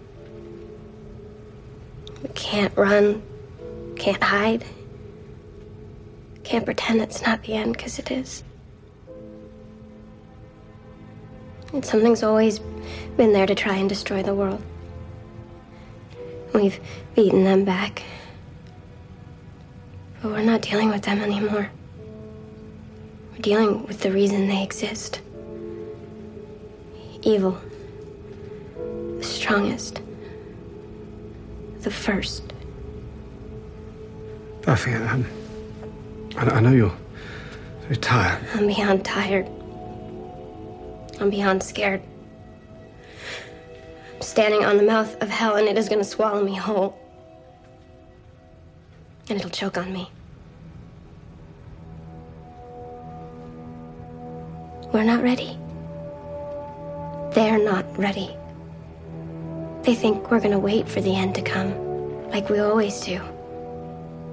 I'm done waiting. They want an apocalypse. Well, we'll give them one. Anyone else who wants to run, do it now. Because we just became an army. We just declared war. From now on, we won't just face our worst fears, we will seek them out. We will find them and cut out their hearts one by one until the first shows itself for what it really is. And I'll kill it myself. There is only one thing on this earth more powerful than evil, and that's us. Any questions? Det var väl ganska bra scen ändå. Jo, det är det. Men Alltså- var det inte nästa avsnitt, då var det ju nu. Redan där så är det ju den, Vilken? den lilla melodislingan går i det talet. Ja, Men, Men ja. du, du sa att det var nästa avsnitt. Ja, men jag, jag, jag sa, är det nästa avsnitt kanske? Ehm, jag måste bara se mina... Men jag tror att den melodislingan återkommer, för det är lite över... Men jag menar det där, när hon har fått spö och de är noja och hon har suttit och krypt i fåtöljen. Exakt, och sen, kommer hon in ut. och pratar först att man blir helt ja. nervig för att hon är så nervig. Och Då är sen det så bara... en väldigt tyst Wow. Ja, men då är det olika ställen vi har Ja, men den kommer tillbaka sen. För, För jag- sen också på DVDn så är den menylåten. Fast det är mycket Ah. bomba, mer bombastiskt. Okej. eh, Om det nu är i, i den boxen jag har, jag vet inte. Men, Jag tror att det ja, men säg, eh, säg ditt om Ja, men jag eh, hade låten inte, då. jag hade inte, det var bara att den var, Ja, var reminiscent Okej, av okej. Sagan Ja, sorry då att jag avbröt det. Men, men jag tycker hela det här talet är ju så himla nära att det blir cheesy. Men det funkar, det är Ja. det jag vill säga. Tyckte att det var bra. Ehm, och så har jag skrivit så här, musiken är lite likt eh, Lord of the Rings eller Braveheart. Mm. Jag tycker också att, att termen. Ubervamp används för första gången i det här avsnittet, eller det nästa avsnitt? Eller nästa kanske. Ja. Det, det är ju en väldigt jossig eh, Ja, slanguttryck, Precis. som inte skulle funkat idag. Vad skulle han heta idag? The Uber of Vampires? Han skulle inte hetat The Uber of Vampire, för det skulle då anspela på att han var någon slags taxiservice. ja.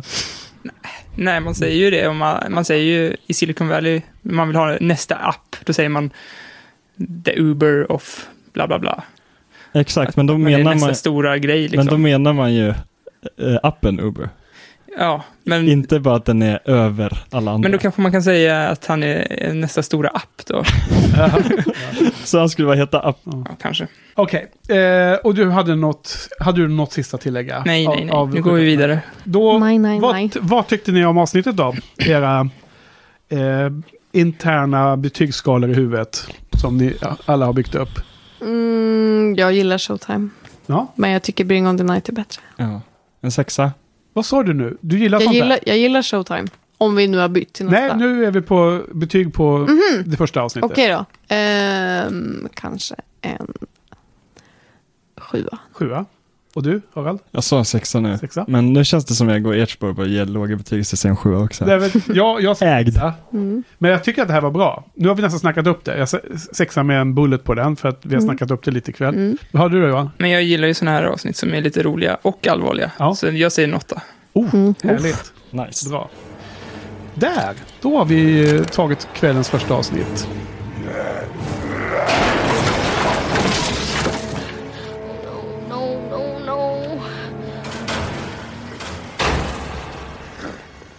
Buffy? What's she doing? Just watch. It's showtime. Nu eh, går vi vidare med kvällens andra avsnitt som heter Showtime och är det elfte avsnittet. Vi har kommit fram till mitten av säsong sju, den sista säsongen. Och eh, ska du hjälpa oss att eh, minnas vad avsnittet handlar om, eh, Hedvig? Ja. Take, take it Eh, away. Ja, då ska vi se. Då är det så va, att det är helt plötsligt flera sådana potential slayers som har dykt upp i Sunnydale och som nu huserar i huset. Mm. Eh, och att de har börjat eh, träna då, ser vi mera. Ja. Eh, och sen så är det ju det här stora problemet de har med den här Uber-vampen. Hur de ska hantera honom och det här stora, den stora, det stora slagsmålet som han och Buffy har. ja, som Buffy sätter upp. Liksom. Exakt. Det är ett väldigt fint stand tycker jag. Ja, hon ska... Är det som en lektion för Ja, alla och- de här tjejerna? ja. och sen jag tror en av mina bästa typer av monster i Buffy att Giles och Anya besöker Beljoxas Eye. Ja. Mm.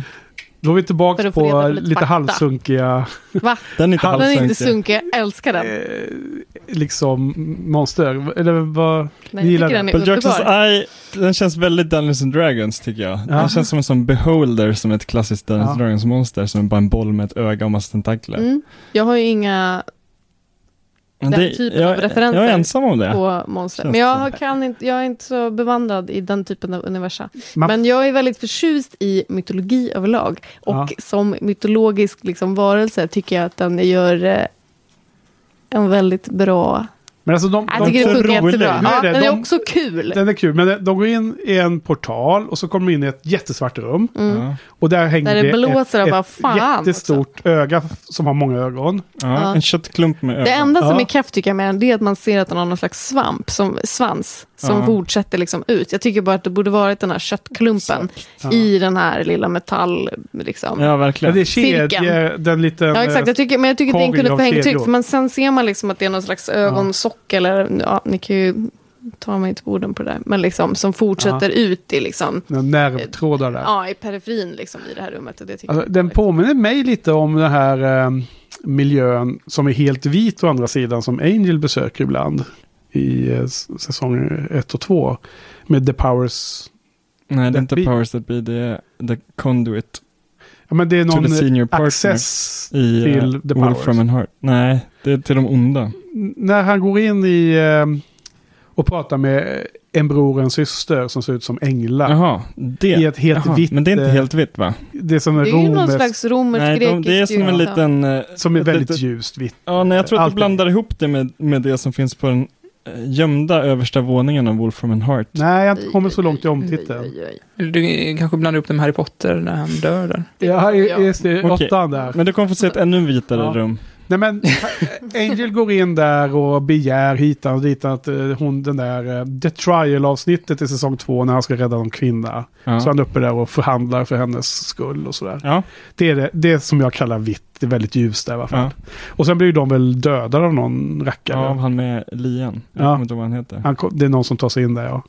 Det- Men jag bara jämför att man kommer in och så får man ställa Mm. frågor och få Mm. svar och sådär. I avsnittet med det excellenta namnet To Shamshu in LA, tror jag det heter. Ja just det, vad var det för någon ordlek med den? Shamshu var bara ett ord som de hittade på till någon, eh, på något hittepå gammalt språk. Eh, Ja. För profetian To live and die betyder det. Just det, och det, och det är liksom en, en känd fras på något sätt som man kör med om LA också.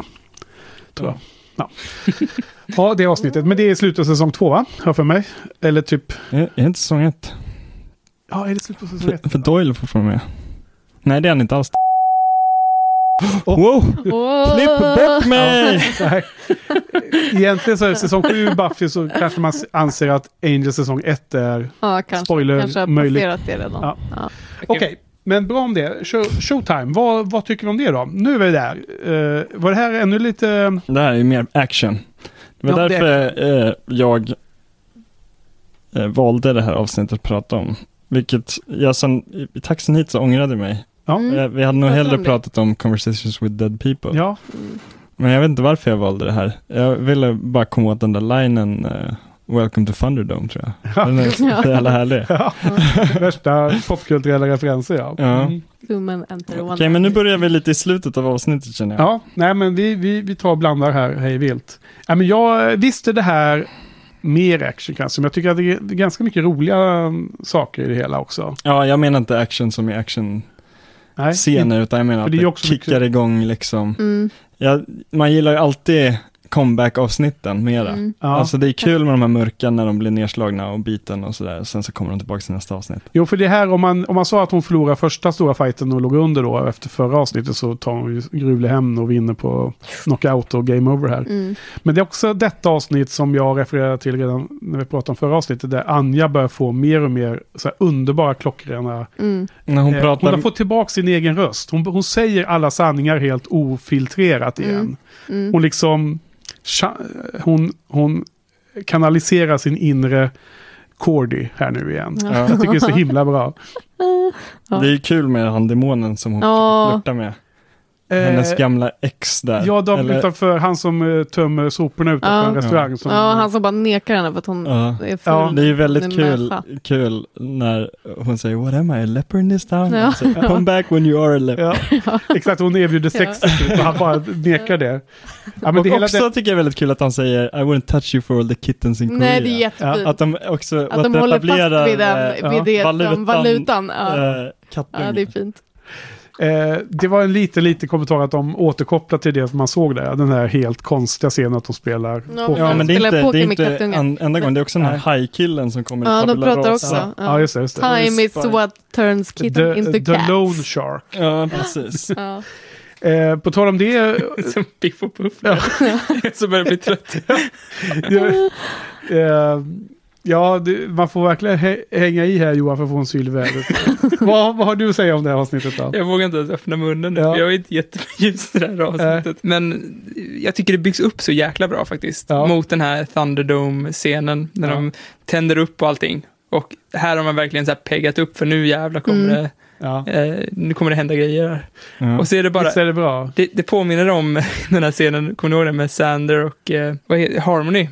När de så här, Ja, börja slapfight. Ja, de står varandra, det peggas upp och sen avslutas det bara med en slapfight. Ja. Liksom, här är exakt samma sak, de bara peggar upp och sen är det bara en helt vanlig slapfight, fast det är liksom slapfight over 9000 Ja. med, med The Uber of Vampires. ja, det är riktigt eh, hårt här. Så blir det lite så här eh, House of Flying eh, Chaka Khan eller något sånt där. Det är en vanlig fighting-scen fast de skuttar runt lite Ja. mer Men än det är vanligt. mycket mer välkoreograferat och Ja. välfilmat än vanligt. Ja. Vad, vad vill du ha egentligen Johan? Ja, men en typ en bazooka hade varit nice. Någonting. Nej men det var ju viktigt för henne att visa att hon kunde bemästra den med bara händerna. Ja. Hon har inte ens ett vapen med sig. Men, men eh, precis, och eh, jag tycker att det var bra som det blev. Men jag hade hela tiden, hela setupen hade jag en känsla av att det skulle vara ungefär som en bazooka. Fast vad jag läste in här den här gången nu när jag såg det. Det var att man fick ju se att hon, de kastade ju vatten i ansiktet på honom som Mm. var heligt och den brände sig ganska Ja, illa han, blir, han, blir väldigt påverkad av det. Ja, han blev eh, bränd. Ja. Man såg ju till och Ja. med riktigt ordentliga sår. Så jag, jag trodde att när de kom till den här ehm, Mm. arenan, den här såg ut som en gammal romersk teater, Mm. att den skulle vara lämplig för att hon skulle ha något heligt vatten som bara skulle skölja in där. Mm. Och han skulle, hon skulle bränna upp honom. Alltså som ett, ett eh, smart lur. Lura Mm. in honom i en fälla.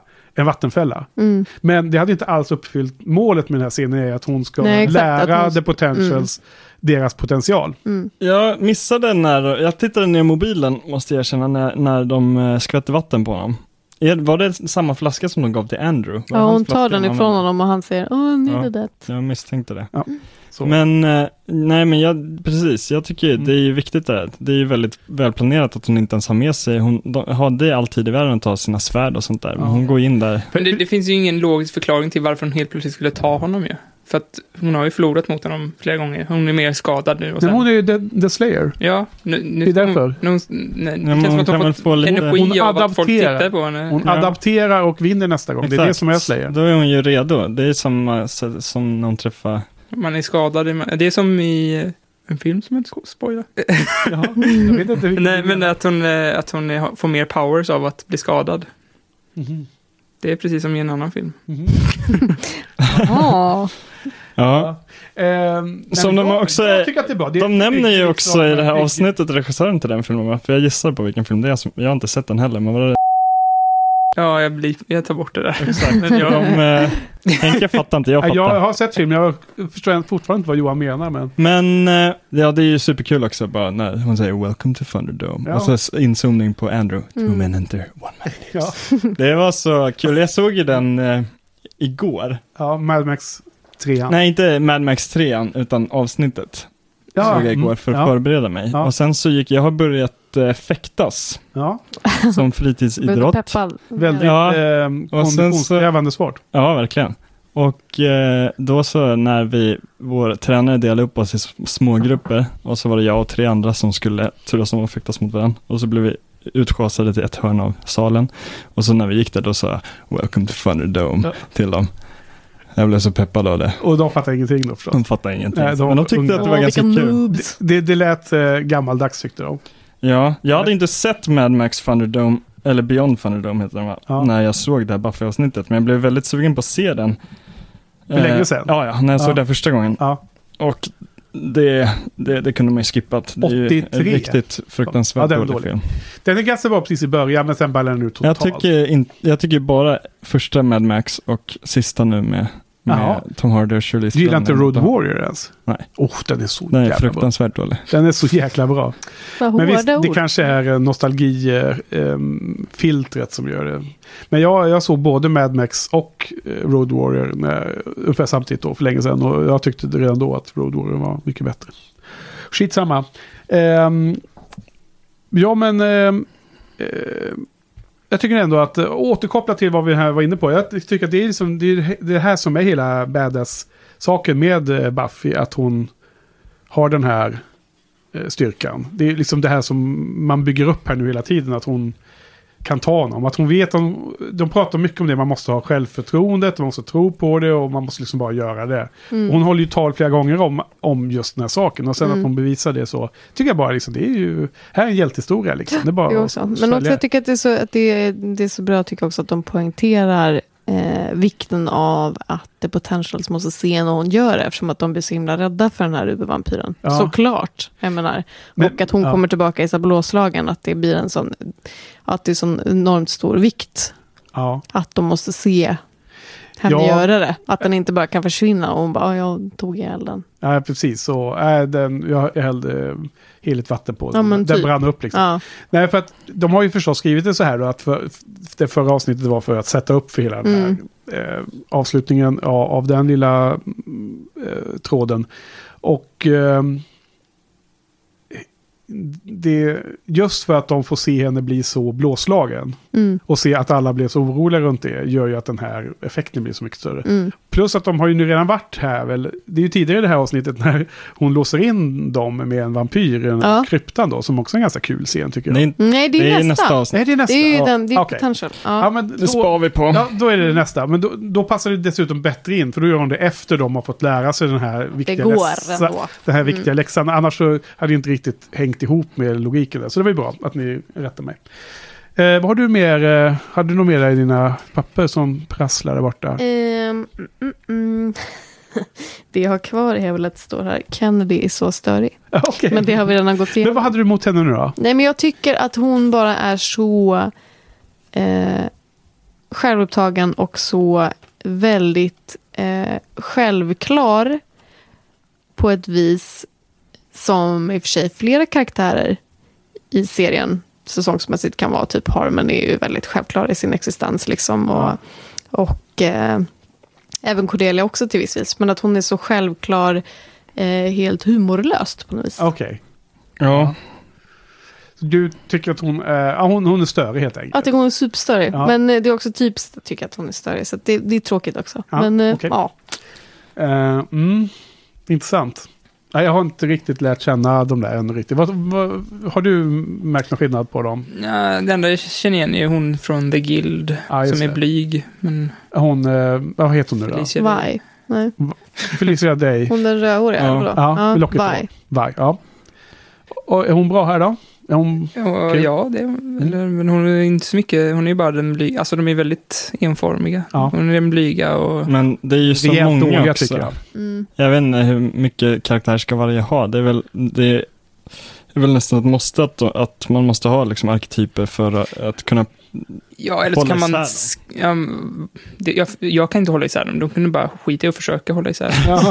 Ja. Men det Men man måste bara- också känna någonting när de dör. Mm. Ja, kanske. Men det, det känns konstigt att de slänger in så mycket karaktärer där i slutet. Det känns ju som att man vill liksom Men det är ju också härligt, för nu med får ju sista. Med Buffy också kliva in i den rollen som general som Henke har pratat med, eller om mycket tidigare också. Ja. Att hon känns som en general. Hon har aldrig haft några troops liksom. Nu har hon ju det, ja. äntligen. hon har ju haft troops. Hon hade ju den där skolan som när alla hjälpte till där. Ja, okej. Och eh, dessutom så tycker jag inte att det är en... eh, Alltså jag gillar inte den här generalgrejen att, att de stänger in eh, dem i den här grottan och bara låter dem liksom dö. Alltså, var det inte någon scen där någon gjorde så mot henne? Jo, Watchers Council gjorde ju exakt samma sak. Mm, du Buffy, menar de stänger känns- in i huset med han Ja. Kralik? Ja, Ja. Det, Ja. Alltså, de har ju redan gjort en poäng med att det är inte så himla schysst att jobba så, liksom när man är ledare. Men nu är det krisläge Johan. Ja. Alltså, Men det där, men jo, det men där det, tycker jag det är ändå... vissa skillnader där också. ja, där, De är- där hade de, de ju är förgiftat. förbered- Där har de Ja, för det första förgiftat Buffy så att hon förlorar sina krafter. Ja. Och de här Men- har inga krafter i början, de är jättemånga. Ja. Ja. Men, Det är jag, ingen fast jag tycker också Det ja, men jag tycker att en viktig poäng där också är på något vis, för jag håller, för jag håller med om det, att man kan tycka att så här, bara, vad fan, det, det är ju lite så här, fan vad harsh typ, när de bara stänger det där. Ja. Men de etablerar ju också, nu när de här potential dyks upp, så etablerar de ju också liksom något, ett. Tema för sjuan ändå på något vis. Och att de genom de här avsnitten, att Buffy, det är så himla stor press på Buffy. Mm. Och att Giles hela tiden vet, säger så här, men fan alla vi, alla vi hänger på dig liksom, eller alla, they depend on you, typ, att det är så mycket tryck. Att Buffy är också tvungen att bli eh, hårdare och kallare liksom. Hon är tvungen, för nu är det ju, nu är det shit's about Ja, to hon, go down hon liksom. definierar ju det redan tidigare när hon pratade om I am the law och allt det här. Ja, exakt. Ja. och att Vi- hon tycker att det hon har svårt... jätteviktigt Ja, exakt. moment när de hon, skulle döda Anja där innan Willow kom på Ja, exakt. Ja. Men jag tycker Så- så det att det speglar, det är en fortsättning ja. på det, att hon är tvungen att bli hårdare och kallare och Ja. mer distanserad. Liksom. Absolut. Ja. Eh, och att hon liksom inser att alla kommer kanske inte överleva. Nej, det jag, det liksom. jag tycker, men jag tycker inte att det är heller så dåligt. Jag, jag känner, men nu har jag också sett allting också många gånger, men att man, att man håller, har ganska bra koll på de olika personligheterna hos potentialsarna. Ja. Jag kommer också ihåg, när jag såg en note som jag skrivit ner också nu, att när jag såg eh, Buffy säsong 7 första gången, så var jag jättekär i Vi. Av, någon Ja. anledning, av någon anledning som jag inte kommer ihåg nu riktigt. Ja. Eh. Ja, men hon har ju många fans, så heter hon Felicia Day. Det är, ja, men det här var lite av hennes genombrott också, Ja. var det inte det? Eh, ja, absolut. Och, eh, vad jag gillar jättemycket med det här avsnittet, det som jag redan nämnt, men jag ska bara förtydliga det där, det är med Anjas eh, återkomst till eh, Mm. de härligaste härliga. Mm. Och det finns bland annat någonstans runt 30-31 minuter där som eh, hon, hon är så rolig, för hon definierar hela problemet. Jag har inte skrivit av exakt vad hon säger, men om du har möjlighet Johan, att klippa in det, hennes, det är runt 31 minuter. I don't understand how Buffy's death mucked up the whole Slayer mojo. You know, it's not like she hasn't died before. It's, it's not because she died. The, the eye was quite clear about that. In its enigmatic way. It's, it's because she lives. Again. Buffy's not responsible for that. Oh. No. Willow and me, and Xander and Tara. We're the ones who brought Buffy back. We're the reason the first is here. The reason those girls were murdered. No, it's our fault. The world would have been better off if Buffy had just stayed dead. det händer ju flera gånger i de här avsnitten att hon Mm. liksom bara babblar på. Mm. Och det hon säger, allt, det är precis det som händer. Det är så Mm. himla kul att när man fångar upp den signalen så är det liksom att hon bara, hon kör det hela tiden. Och det är mestadels väldigt roligt. Men vad tyckte ni om Beljoxes Eye-grejen? Att eh, det här liksom förklaringsmodellen till varför The First gör det här just nu. Men jag kommer inte riktigt ihåg, var det att han, han såg någon chans att... Men man eh, får ju också inte ens... Va- det- nej, hur det- var förklaringen? man får ju Förklaringen så var så jag kommer här, inte ihåg att- exakt vad han sa att, där. eh, eller ögat. Så här säger, eh, först eh, säger Beljoxes Eye att the first pl- plan är att extinguish the line of slayers. Ja. Och då frågar Giles varför, varför nu? ja. Varför inte tidigare? Ja. Och då säger hon, eh, eller Beljoxes Eye, att the mystical forces surrounding the slayer has been weakened, eller något liknande. Mm. Och, eh, eh, och det anledningen till det är för att Buffy blev tillbakatagen från himmelsdimensionen i säsong 6. Ja. Vilket också inte riktigt säga- det hänger säga- ihop för att Det det är Faith som är, det Faith som the real Ja. Ja. Det är Det det. så det är konstigt. Men sen också att man får ju ingen förklaring. Det är bara, ja, de har blivit disrupted liksom. De är flawed nu Ja. typ. Men att det blir ju ingenting egentligen av det, det. är klart att, liksom. det är klart att det är väl så. Nu, nu verkar det som att showen inte riktigt förstår sin egen... Men Det känns som att när det, Om inte om, det här det hände ihop. så hände det i säsong 1 och 2. När Kendra blev Ja. called. Det är då eh, Jo, men det, kan också vara så att när... Då, det var då glitchen hände och då var den första störningen. Exakt. Men den kan absorberas för att The Slayer um, lineage är starkt. Men sen när Buffy igen dör Mm. och kommer tillbaks via ehm, så här onaturliga krafter, Mm. nämligen Willows eh, spell. Då är det andra stora stöten för The, the Slayer lineage. Det Ja. kanske är därför det är extra känsligt nu. Mm. Om man bara gör Å andra, sidan, så, å andra efterhandskonstruktion. sidan, det vi pratade om förut, att det nu är, är Faith som är den som liksom passar stafettpinnen vidare, så borde ju heller inte Buffys... Buffy påverkar ju på det viset. Nej, på men, samma jo, vad, jag men, vad jag tänkte i den här hastigt påkomna efterhandskonstruktionen är att Mm. När Buffy kommer tillbaka så hon är ju fortfarande en Slayer. Ja. Så det är inte så att hon är bara som vem som helst. Nej. Så att det är liksom som det här tunnare blodet. Ja, liksom, att de det blir, suger ut lite kraft ja, det linjen. liksom Mm. tar från varandra på något sätt. Nu har det ju på inget sätt eh, bevisats i den här serien. Och om Nej. något så borde ju the eh, Bringers, eller vad heter de, Mm. eh, hålla på här, härja uppe i, i The Angel, är, Los Angeles, och med, med Faith och så. Är hon på, i fängelset nu, eller vad fasen är hon? Ja, hon är i fängelse. Ja, så liksom, eh, då borde vara där och hålla på. Mm. Mm. Ja, ja.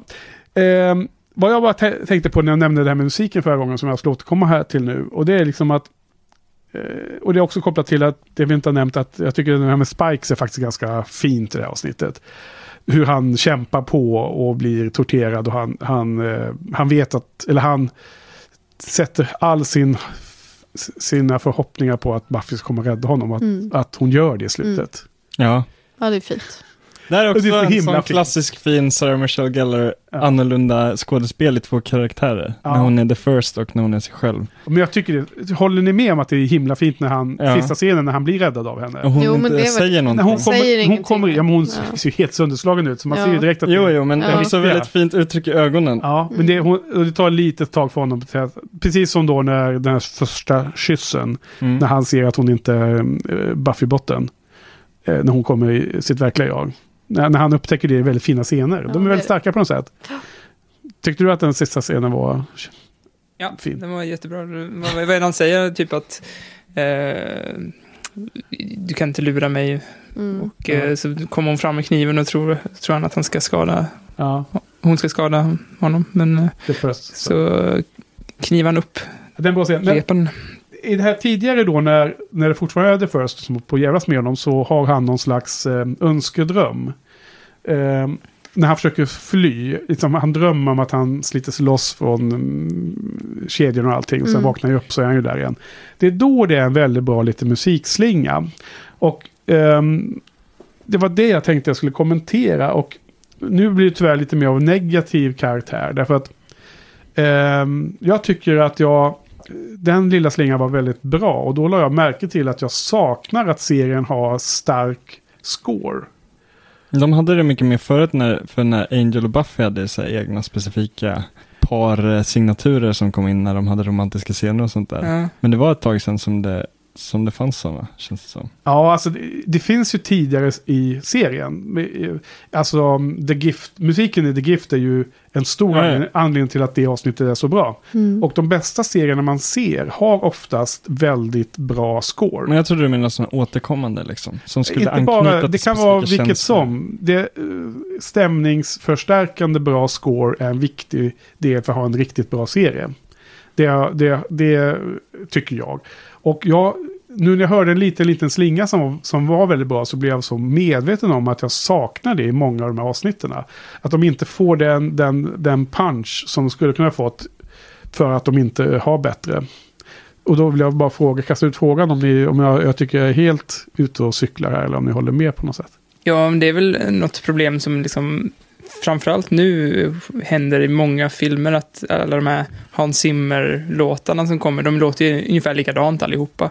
Så att det, det, ja, det, alltså, ett, en stark melodi, det är ju jätte... För så fort man hör Angel-ledmotivet så väcks det ju jättemycket känslor. Det är så himla distinkt, man fattar ju med- en gång vad som Ja, kommer att hända. Eller... som var, ja, och det var en bet- mer sådana i början då, håller ni med om? Ja. Ja, Jag tycker var- för det kommenteras lite, vi kom in på det på kommentars. Mm.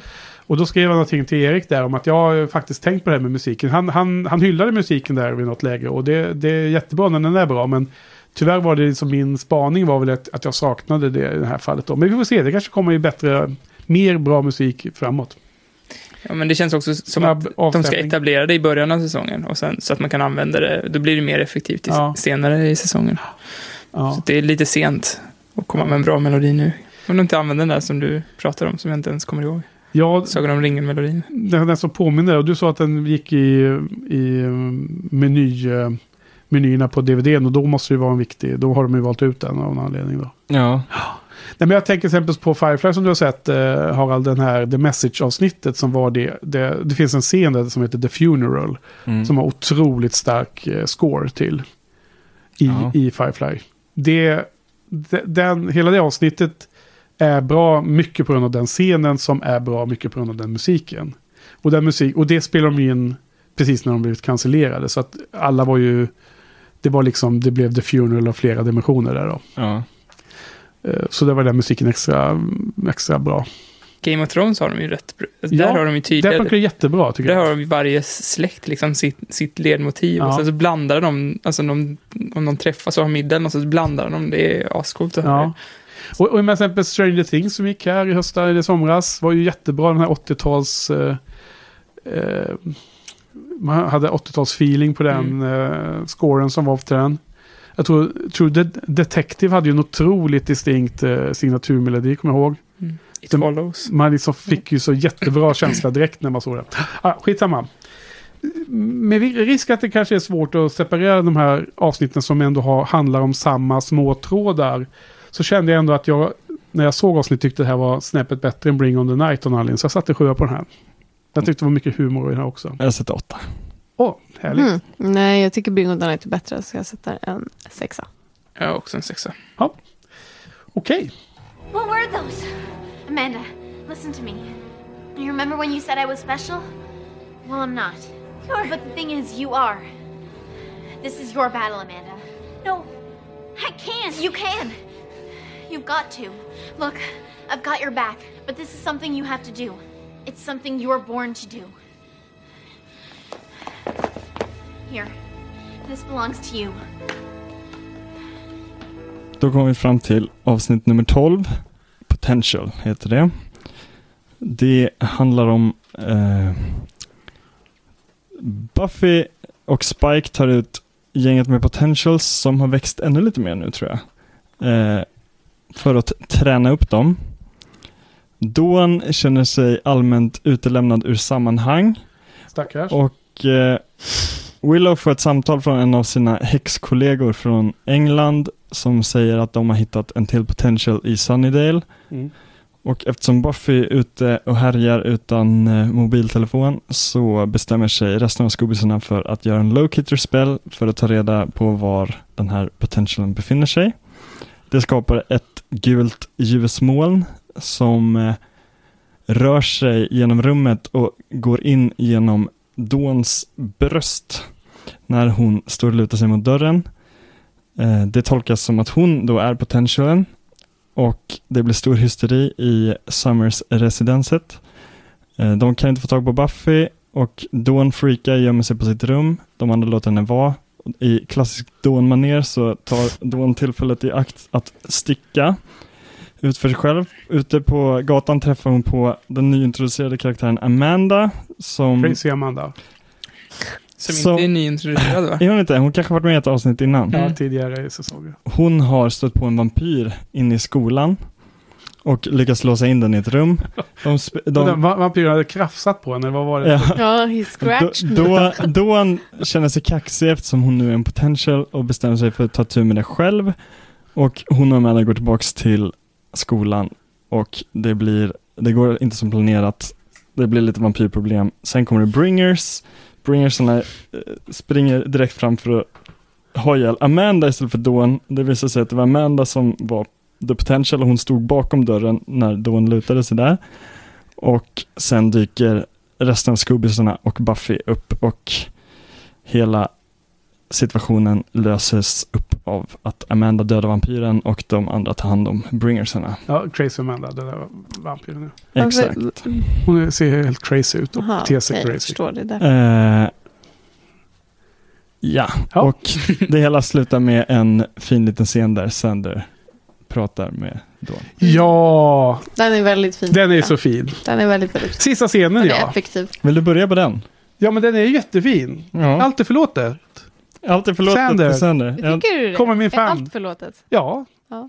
Om jag ska vara så enkelspårig. Johan. Jag Om vill jag ska vara så enkelspårig så är Johan ju han så fin här nu, eh, Sander. Ja. Eller? Du tycker inte att allt är förlåt, men visar Jag- det inte på mognaden då? Nej, men jag, jag tycker att det var väldigt fint tal, men samtidigt så känns det som att Sander, Sander höll det talet för sig själv. Att han tyckte att så här, han har haft det väldigt jobbigt och att han inte, han är inte special, han är extraordinary. Ja. så att, så att när han, det var fint liksom att han liksom jag, jag tyckte att han kunde ta det ur den synvinkeln, alltså när han stod där i dörren, man såg honom i bakgrunden och liksom kameran dröjde kvar där, då, då kände man att någonting var på gång, att det, det skulle komma ett litet tal. Och då tänkte jag att han skulle säga något i stil med Look at you, are you a watcher, eller något sånt där. Att hon skulle vara hennes watcher, att hon, har, att hon, är, så, hon är smart som Giles, liksom, eller något sånt. Men istället så, så det är inte så lätt att vara mig. det så du det kanske lite, märker. lite hård mot honom. Han har ju ändå bidragit mycket genom serien. Absolut, men det Han känns ju som att. Fast han, det känns ju som att, att eh, han är självcentrerad igen, även när han ska hjälpa Dawn. Är det det Ja, tänker? men det känns också som att, ja men precis, det är väldigt självcentrerat och eh, han tror att han vet hur jobbigt Buffy har det genom att säga att ja, vi har det ju mycket jobbigare än Buffy, hon har ju krafter. Men Hur, säger, hur kan han säger veta han det? det verkligen? Ja, Ja, jag, tror bara, jag tror snarare att han har kommit till en sån nivå att han Jag- känner att han, jag nog, översätter att, bara hans ord till er. att han nog hade behövt det där samtalet själv av någon. Mm. Ja, och han är inte blyg med att berätta, säga det till sig själv eller? Han kamouflerar det lite för att han inte ska verka tokig. Nej, Alltså, jag, jag, fast jag, håller, jag måste ändå hålla med Harald lite. Jag, jag, jag, jag tycker inte att han i första hand skjuter ner Buffys... Nej, för han är ändå där han och säger riskerar bara- livet varje gång de fightas. Jag tycker med att han, han belyser att de har en liknande situation, han och Dawn. Mm. Och det är bra. Mm. jag det tyckte det var fint. Och jag tror att det hade varit mycket kraftfullare om det inte hade kommit från just Sander Det, som det lät från... inte som att du tyckte att det var fint Johan. Nej, men jag måste ju överdriva att ni ska, ska förstå. Det spelar djävulen på väggen här borta i hörnet. Men jag här. tycker att det är väldigt fint och jag tycker att det är väldigt, att det är ett effektivt tal liksom ändå. För att man ser ju, för det är ju hela, hela, mm, alltså genom hela avsnittet ändå så är det ju flera liksom porträtt på Dawn på något vis när hon känner sig, eller där man, där man tydligt förstår att hon liksom söker sin plats på något vis i världen och i skuggänget och att hon inte vet att hon har det. Hon sitter där i trappan och lyssnar när Buffy liksom håller på och föreläser. Eh, och Ja. försöker rätta Buffy. Eller att Det- hon har alltså, koll det- och liksom... det, det som är så smärtsamt med att se Dawn på vägen fram till den här scenen är ju att hon tolkar allting som att Buffy eh, älskar The Potential mer än sin syster. Det är inte bara det att hon Nej, jag inte... tänker inte att det behöver handla om kärlek, utan inte kanske att de älskar, nej det tror jag inte, jag tänker inte att det handlar om kärlek där, att hon älskar dem mer, utan mer att Buffy, för att Buffy skiter jag menar hon missar ju helt att, att uh, Dawn genomgår någon slags livskris, men jag tänker att det inte handlar om liksom brist på kärlek, utan mer liksom någon slags, Buffy förmår inte mer. Eh, Nej men alltså... eh, Jag jag- skulle nu. säga mer att det här är Dawns Seppo-avsnitt. Där, att hon, där man bara måste inse att man har en funktion i gruppen, även om det inte är den funktion som man mm. ja, helst skulle vilja ha. Jo, det kanske blir den effekten, men jag tycker det var väldigt tydligt att det Dawn är inte i första hand störd av att hon inte har en superhjältekraft. Det som sen Sander tar upp. Nej, det kanske inte. det- Utan att ja. hon... Det sägs nästan rakt ut att, att Dawn ifrågasätter om Buffy bryr sig om henne lika mycket som de här tjejerna. Och om en syster tror det om sin syster, då kopplar jag det direkt till att den lilla systern är orolig för att storasystern inte älskar henne lika mycket som de andra. Det är liksom eh, lika med strecken där mellan mitt, mitt huvud. Ja, det, jag tycker att det är att dra det lite långt. Jag skulle snarare handla om funktion och sammanhang eftersom de har haft så stora story arcs om hur mycket Dawn betyder redan. Att det skulle vara lite... Ja, det är därför det är extra småaktigt- smärtsamt att hon inte och- har mer självkänsla eh, i den situationen tycker Men jag. hon har ju också upphört att vara the key. Jag menar, så att hon har ju inte längre en, en liksom, den typen av, av roll längre. Liksom. Men, Men också med perspektivet att The First har fuckat med hennes huvud och sagt att ja, exakt, Buffy sagt att kommer, Buffy kommer inte kommer välja inte dig. välja dig. Och det där är roligt, för det där fortsätter de ju det där fortsätter de inte på. Det hade de ju kunnat göra. Liksom. Att man hade Ja, kunnat de se... har ju med det här tycker jag. Ja, vi tycker inte de har det.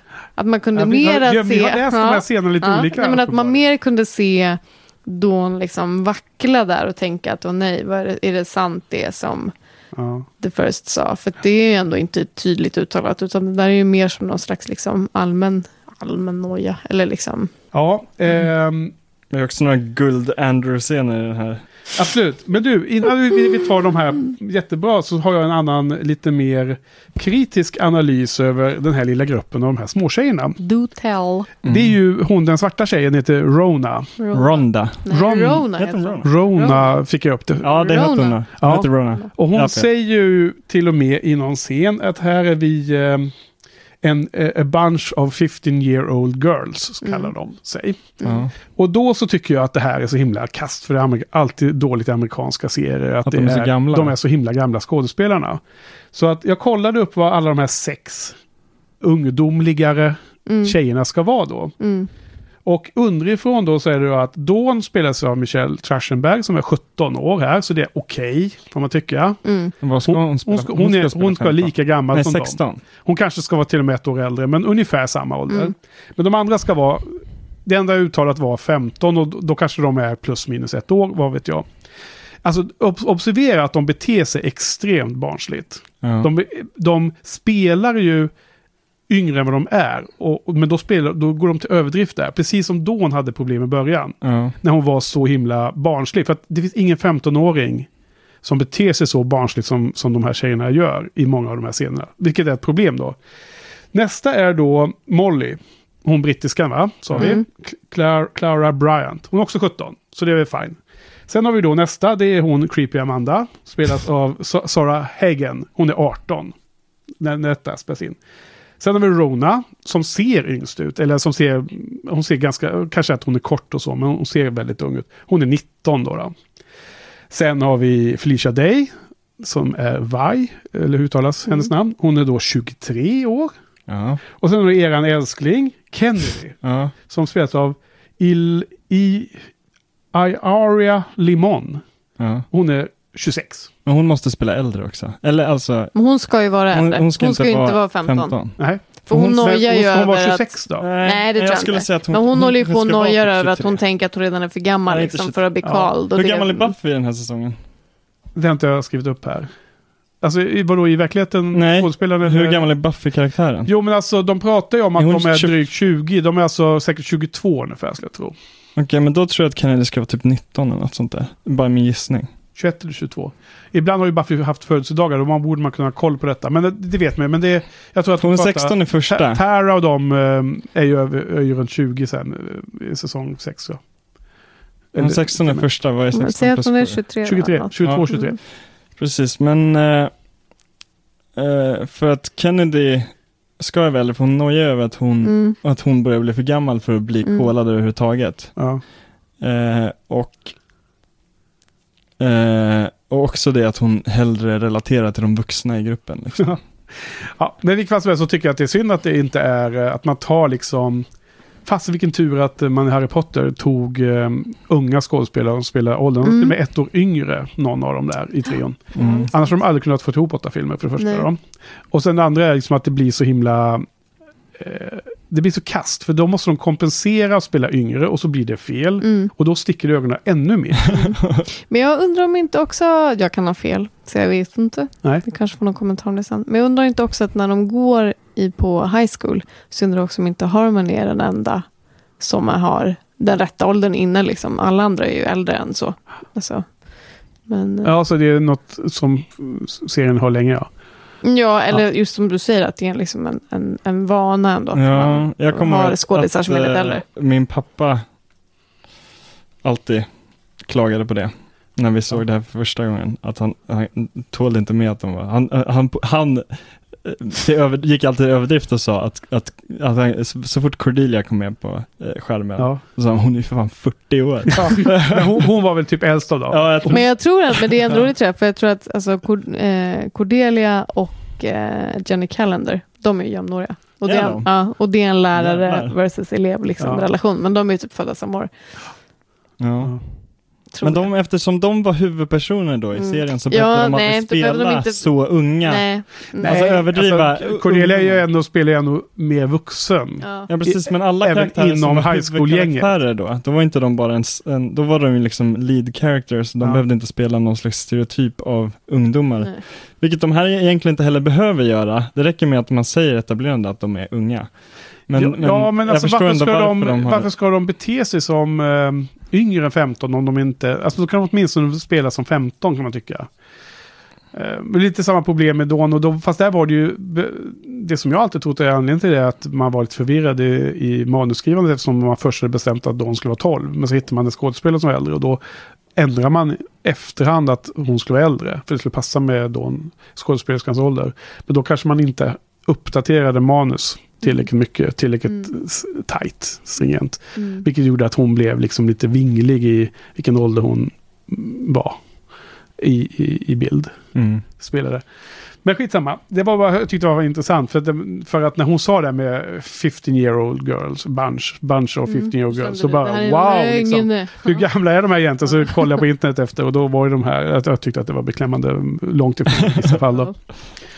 Kanske inte någon big deal men det de var rätt ut alla fall. Ja, men vad är då Dragon Ball Z för något då? Dragon Ball Z Ja. är ju en manga och anime. Ah, Kanske den... eh, kändaste.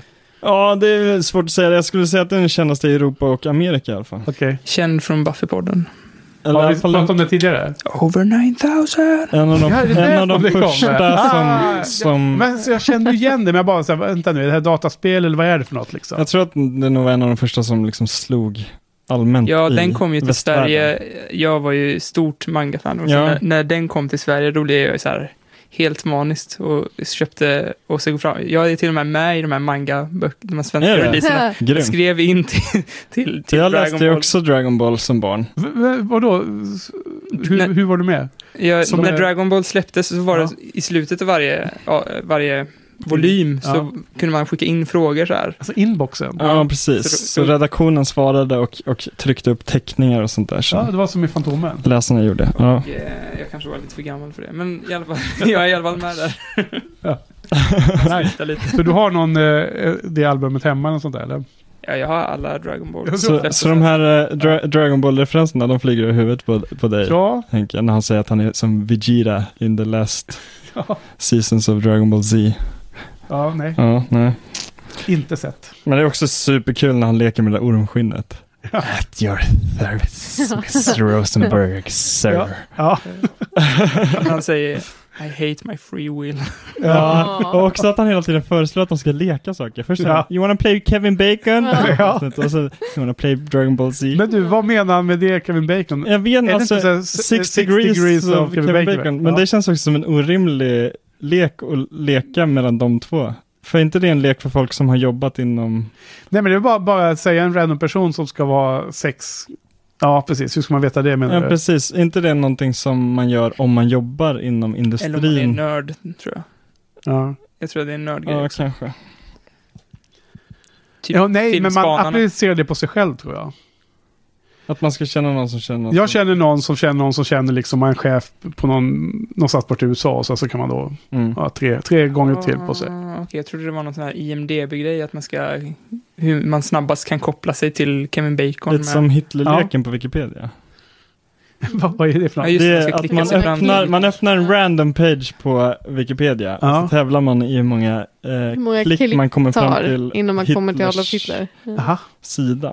Och det brukar inte vara så många för att det räcker med att hitta Europa, vilket man kan hitta på nästan alla liksom, Ja. växter och bla bla. Ja. Van spelare här. Alltså. Ja, Europa, sen europeisk historia, Ja. andra världskriget. Så blir, det brukar inte bli coachen. mer än Ja.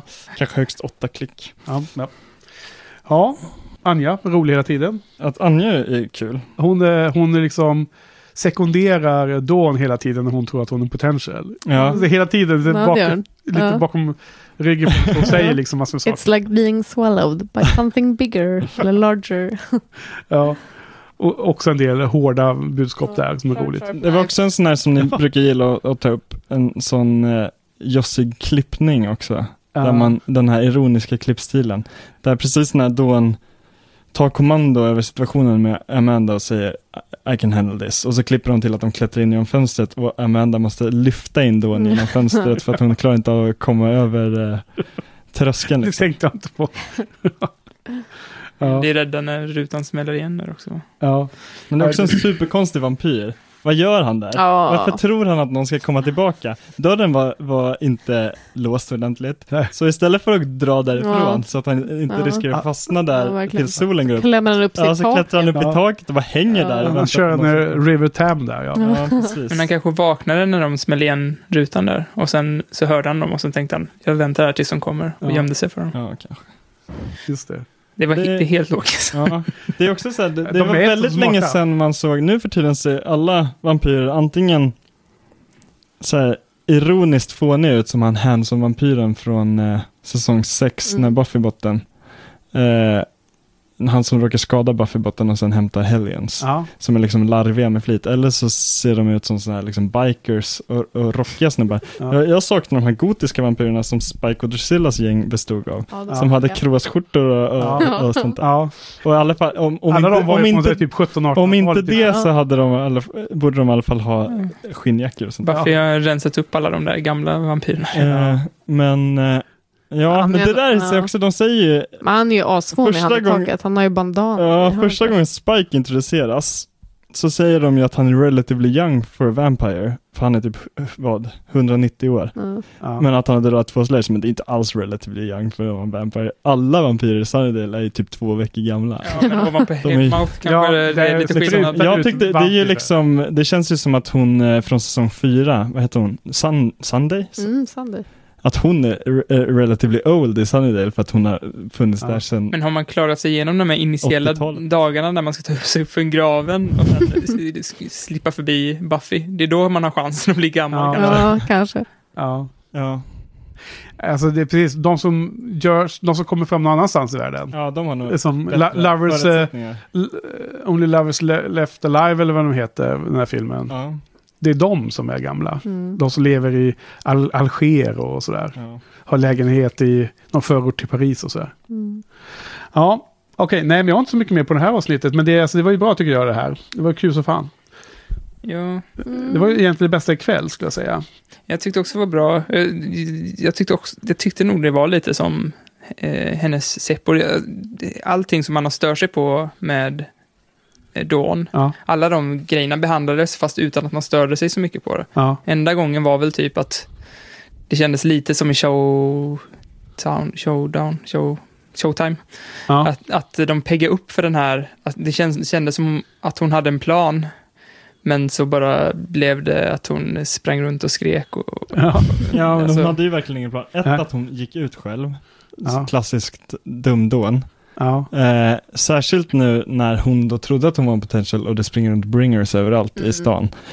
Eh, sen också att hon sen bestämmer sig att hon och Amanda ska gå dit och hon tar inte ens med sig ett kors. Hon har, inte ens, hon har en liten fånig blomma runt hon halsen. tar med sig en istället för ett civilian. kors. men, ja men hon har, har, man ser inte att hon har någon, någon, Nej, hon har inte ens en påle med sig. Nej, men det eh, minsta man kan begära av en summer-tjej tycker jag är att hon alltid har ett korshalsband. Mm. Ja, alltså, ja. men hon borde haft någon liten plan som, som kunde gått fel. Hon skulle inte bara gått in så bara shit, jag borde tänkt ut någonting innan vi... Alltså jag tycker en sån liten grej som att om hon hade en liten handväska och så bara hade hon en liten påle i den. Mm. Eller Ja. någonting. Som bara visar att hon faktiskt har växt upp i ett sånt hushåll. Tiny fences.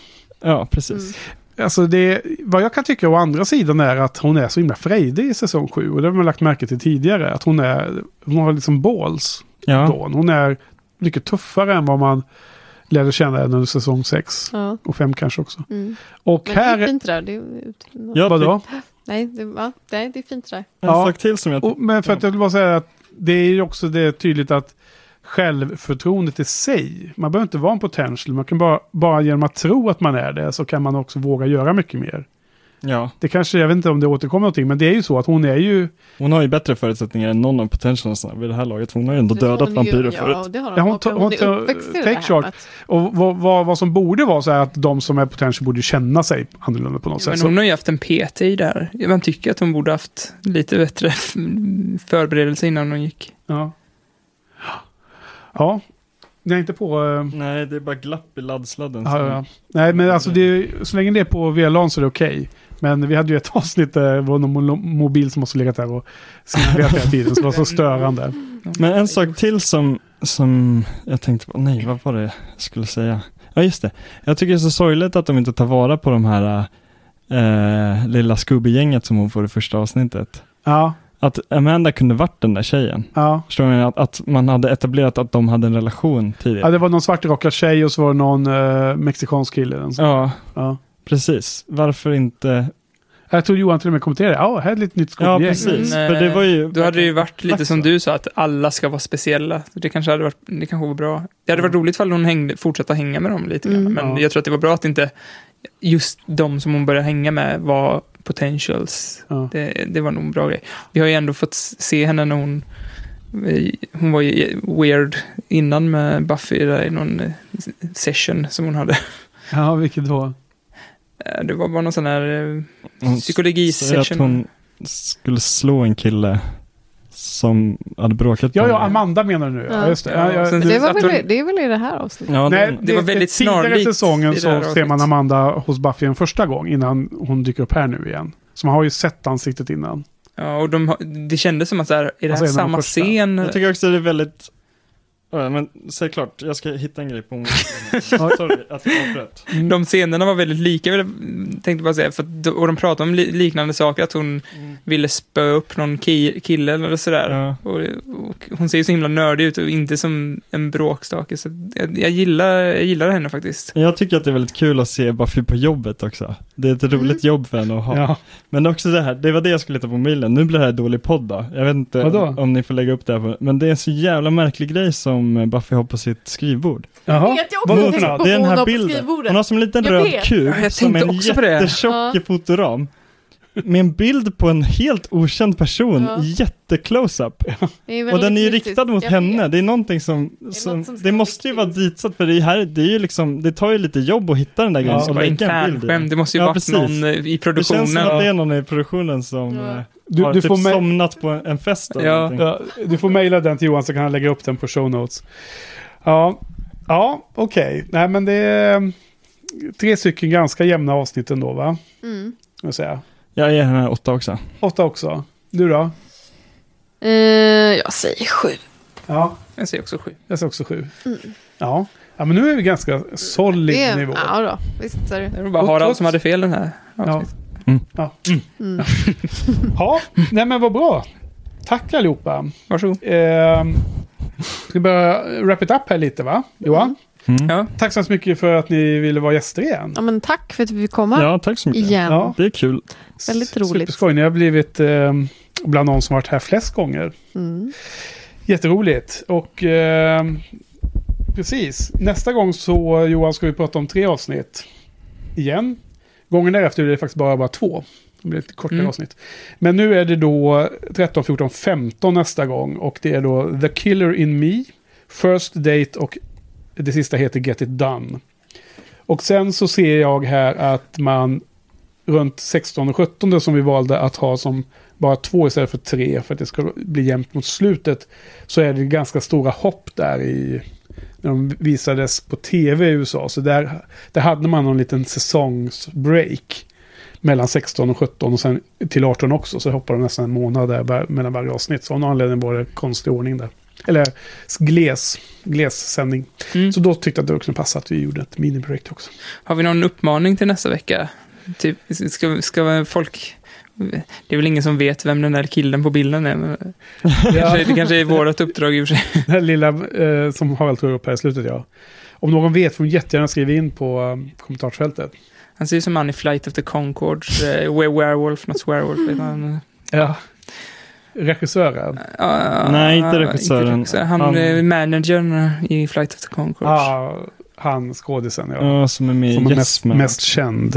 Nej, inte han som är mest känd. Nej, okej. Utan han som är liksom comic relief-karaktären i en serie med bara Okej. comic relief-karaktärer. Jag kommer inte ihåg vad han heter. Men han är med i What We Do In The Shadows också. Ja. Han Werewolf, not Ja. Werewolf. Tror jag, eller? Ja, det är han. Ja. Och sen är han... Eh, Ja. Vad sa du? Och så, ja, och så i, i Yes Man så är han kollega till eh, Jim Carreys karaktär. Okej, okej. Måste... Den har jag sett i alla fall. Eh, Okej, vad bra. Men, och sen ska vi påminna igen då. Alla som vill vara med och eh, i utlottningen av eh, den här stora Buffy-boxen. Tweeta Joel. Twittra Joel och sen mejla till buffypodden gmail.com under februari månad. Sista dagen är sista, 2017. sista februari 2017. Mm. Sista gången man Upprepade, med. upprepade ni Joels Twitter-namn nu? Jag tror Jo, gjorde vi det? Jag tror att han heter bara Joel Burman ihopskrivet. Ja. Ja. I alla fall är hans mejladress så. Det är så himla... Ja, absolut. Det lägger vi upp på show notes också. Ha, hans hemadress kan jag också lägga Ja. upp där. men vad säger ni mer då? Något annat? Avslutande ord? Nej, Någon förmaning till eh, lyssnarna? Tack för den här tiden. Ja, Det här är sista gången vi är med i Buffy-podden. Mm. Ja, precis. Vi får se vad som kommer i framtiden. det har varit kul. Vi förväntar oss en stor announcement om Angel-podden sen. Någonting. Ja, Johan, vad säger du? Tack Är Henke. redo? Tack Joss. Tack. Eh, tack Johan. Jag undrade om, om det skulle få till Nej, vi- perfekt den här gången. Tack Henke. Tack Johan. Tack för oss. Tack för oss. Helt uselt. Nu stänger vi av.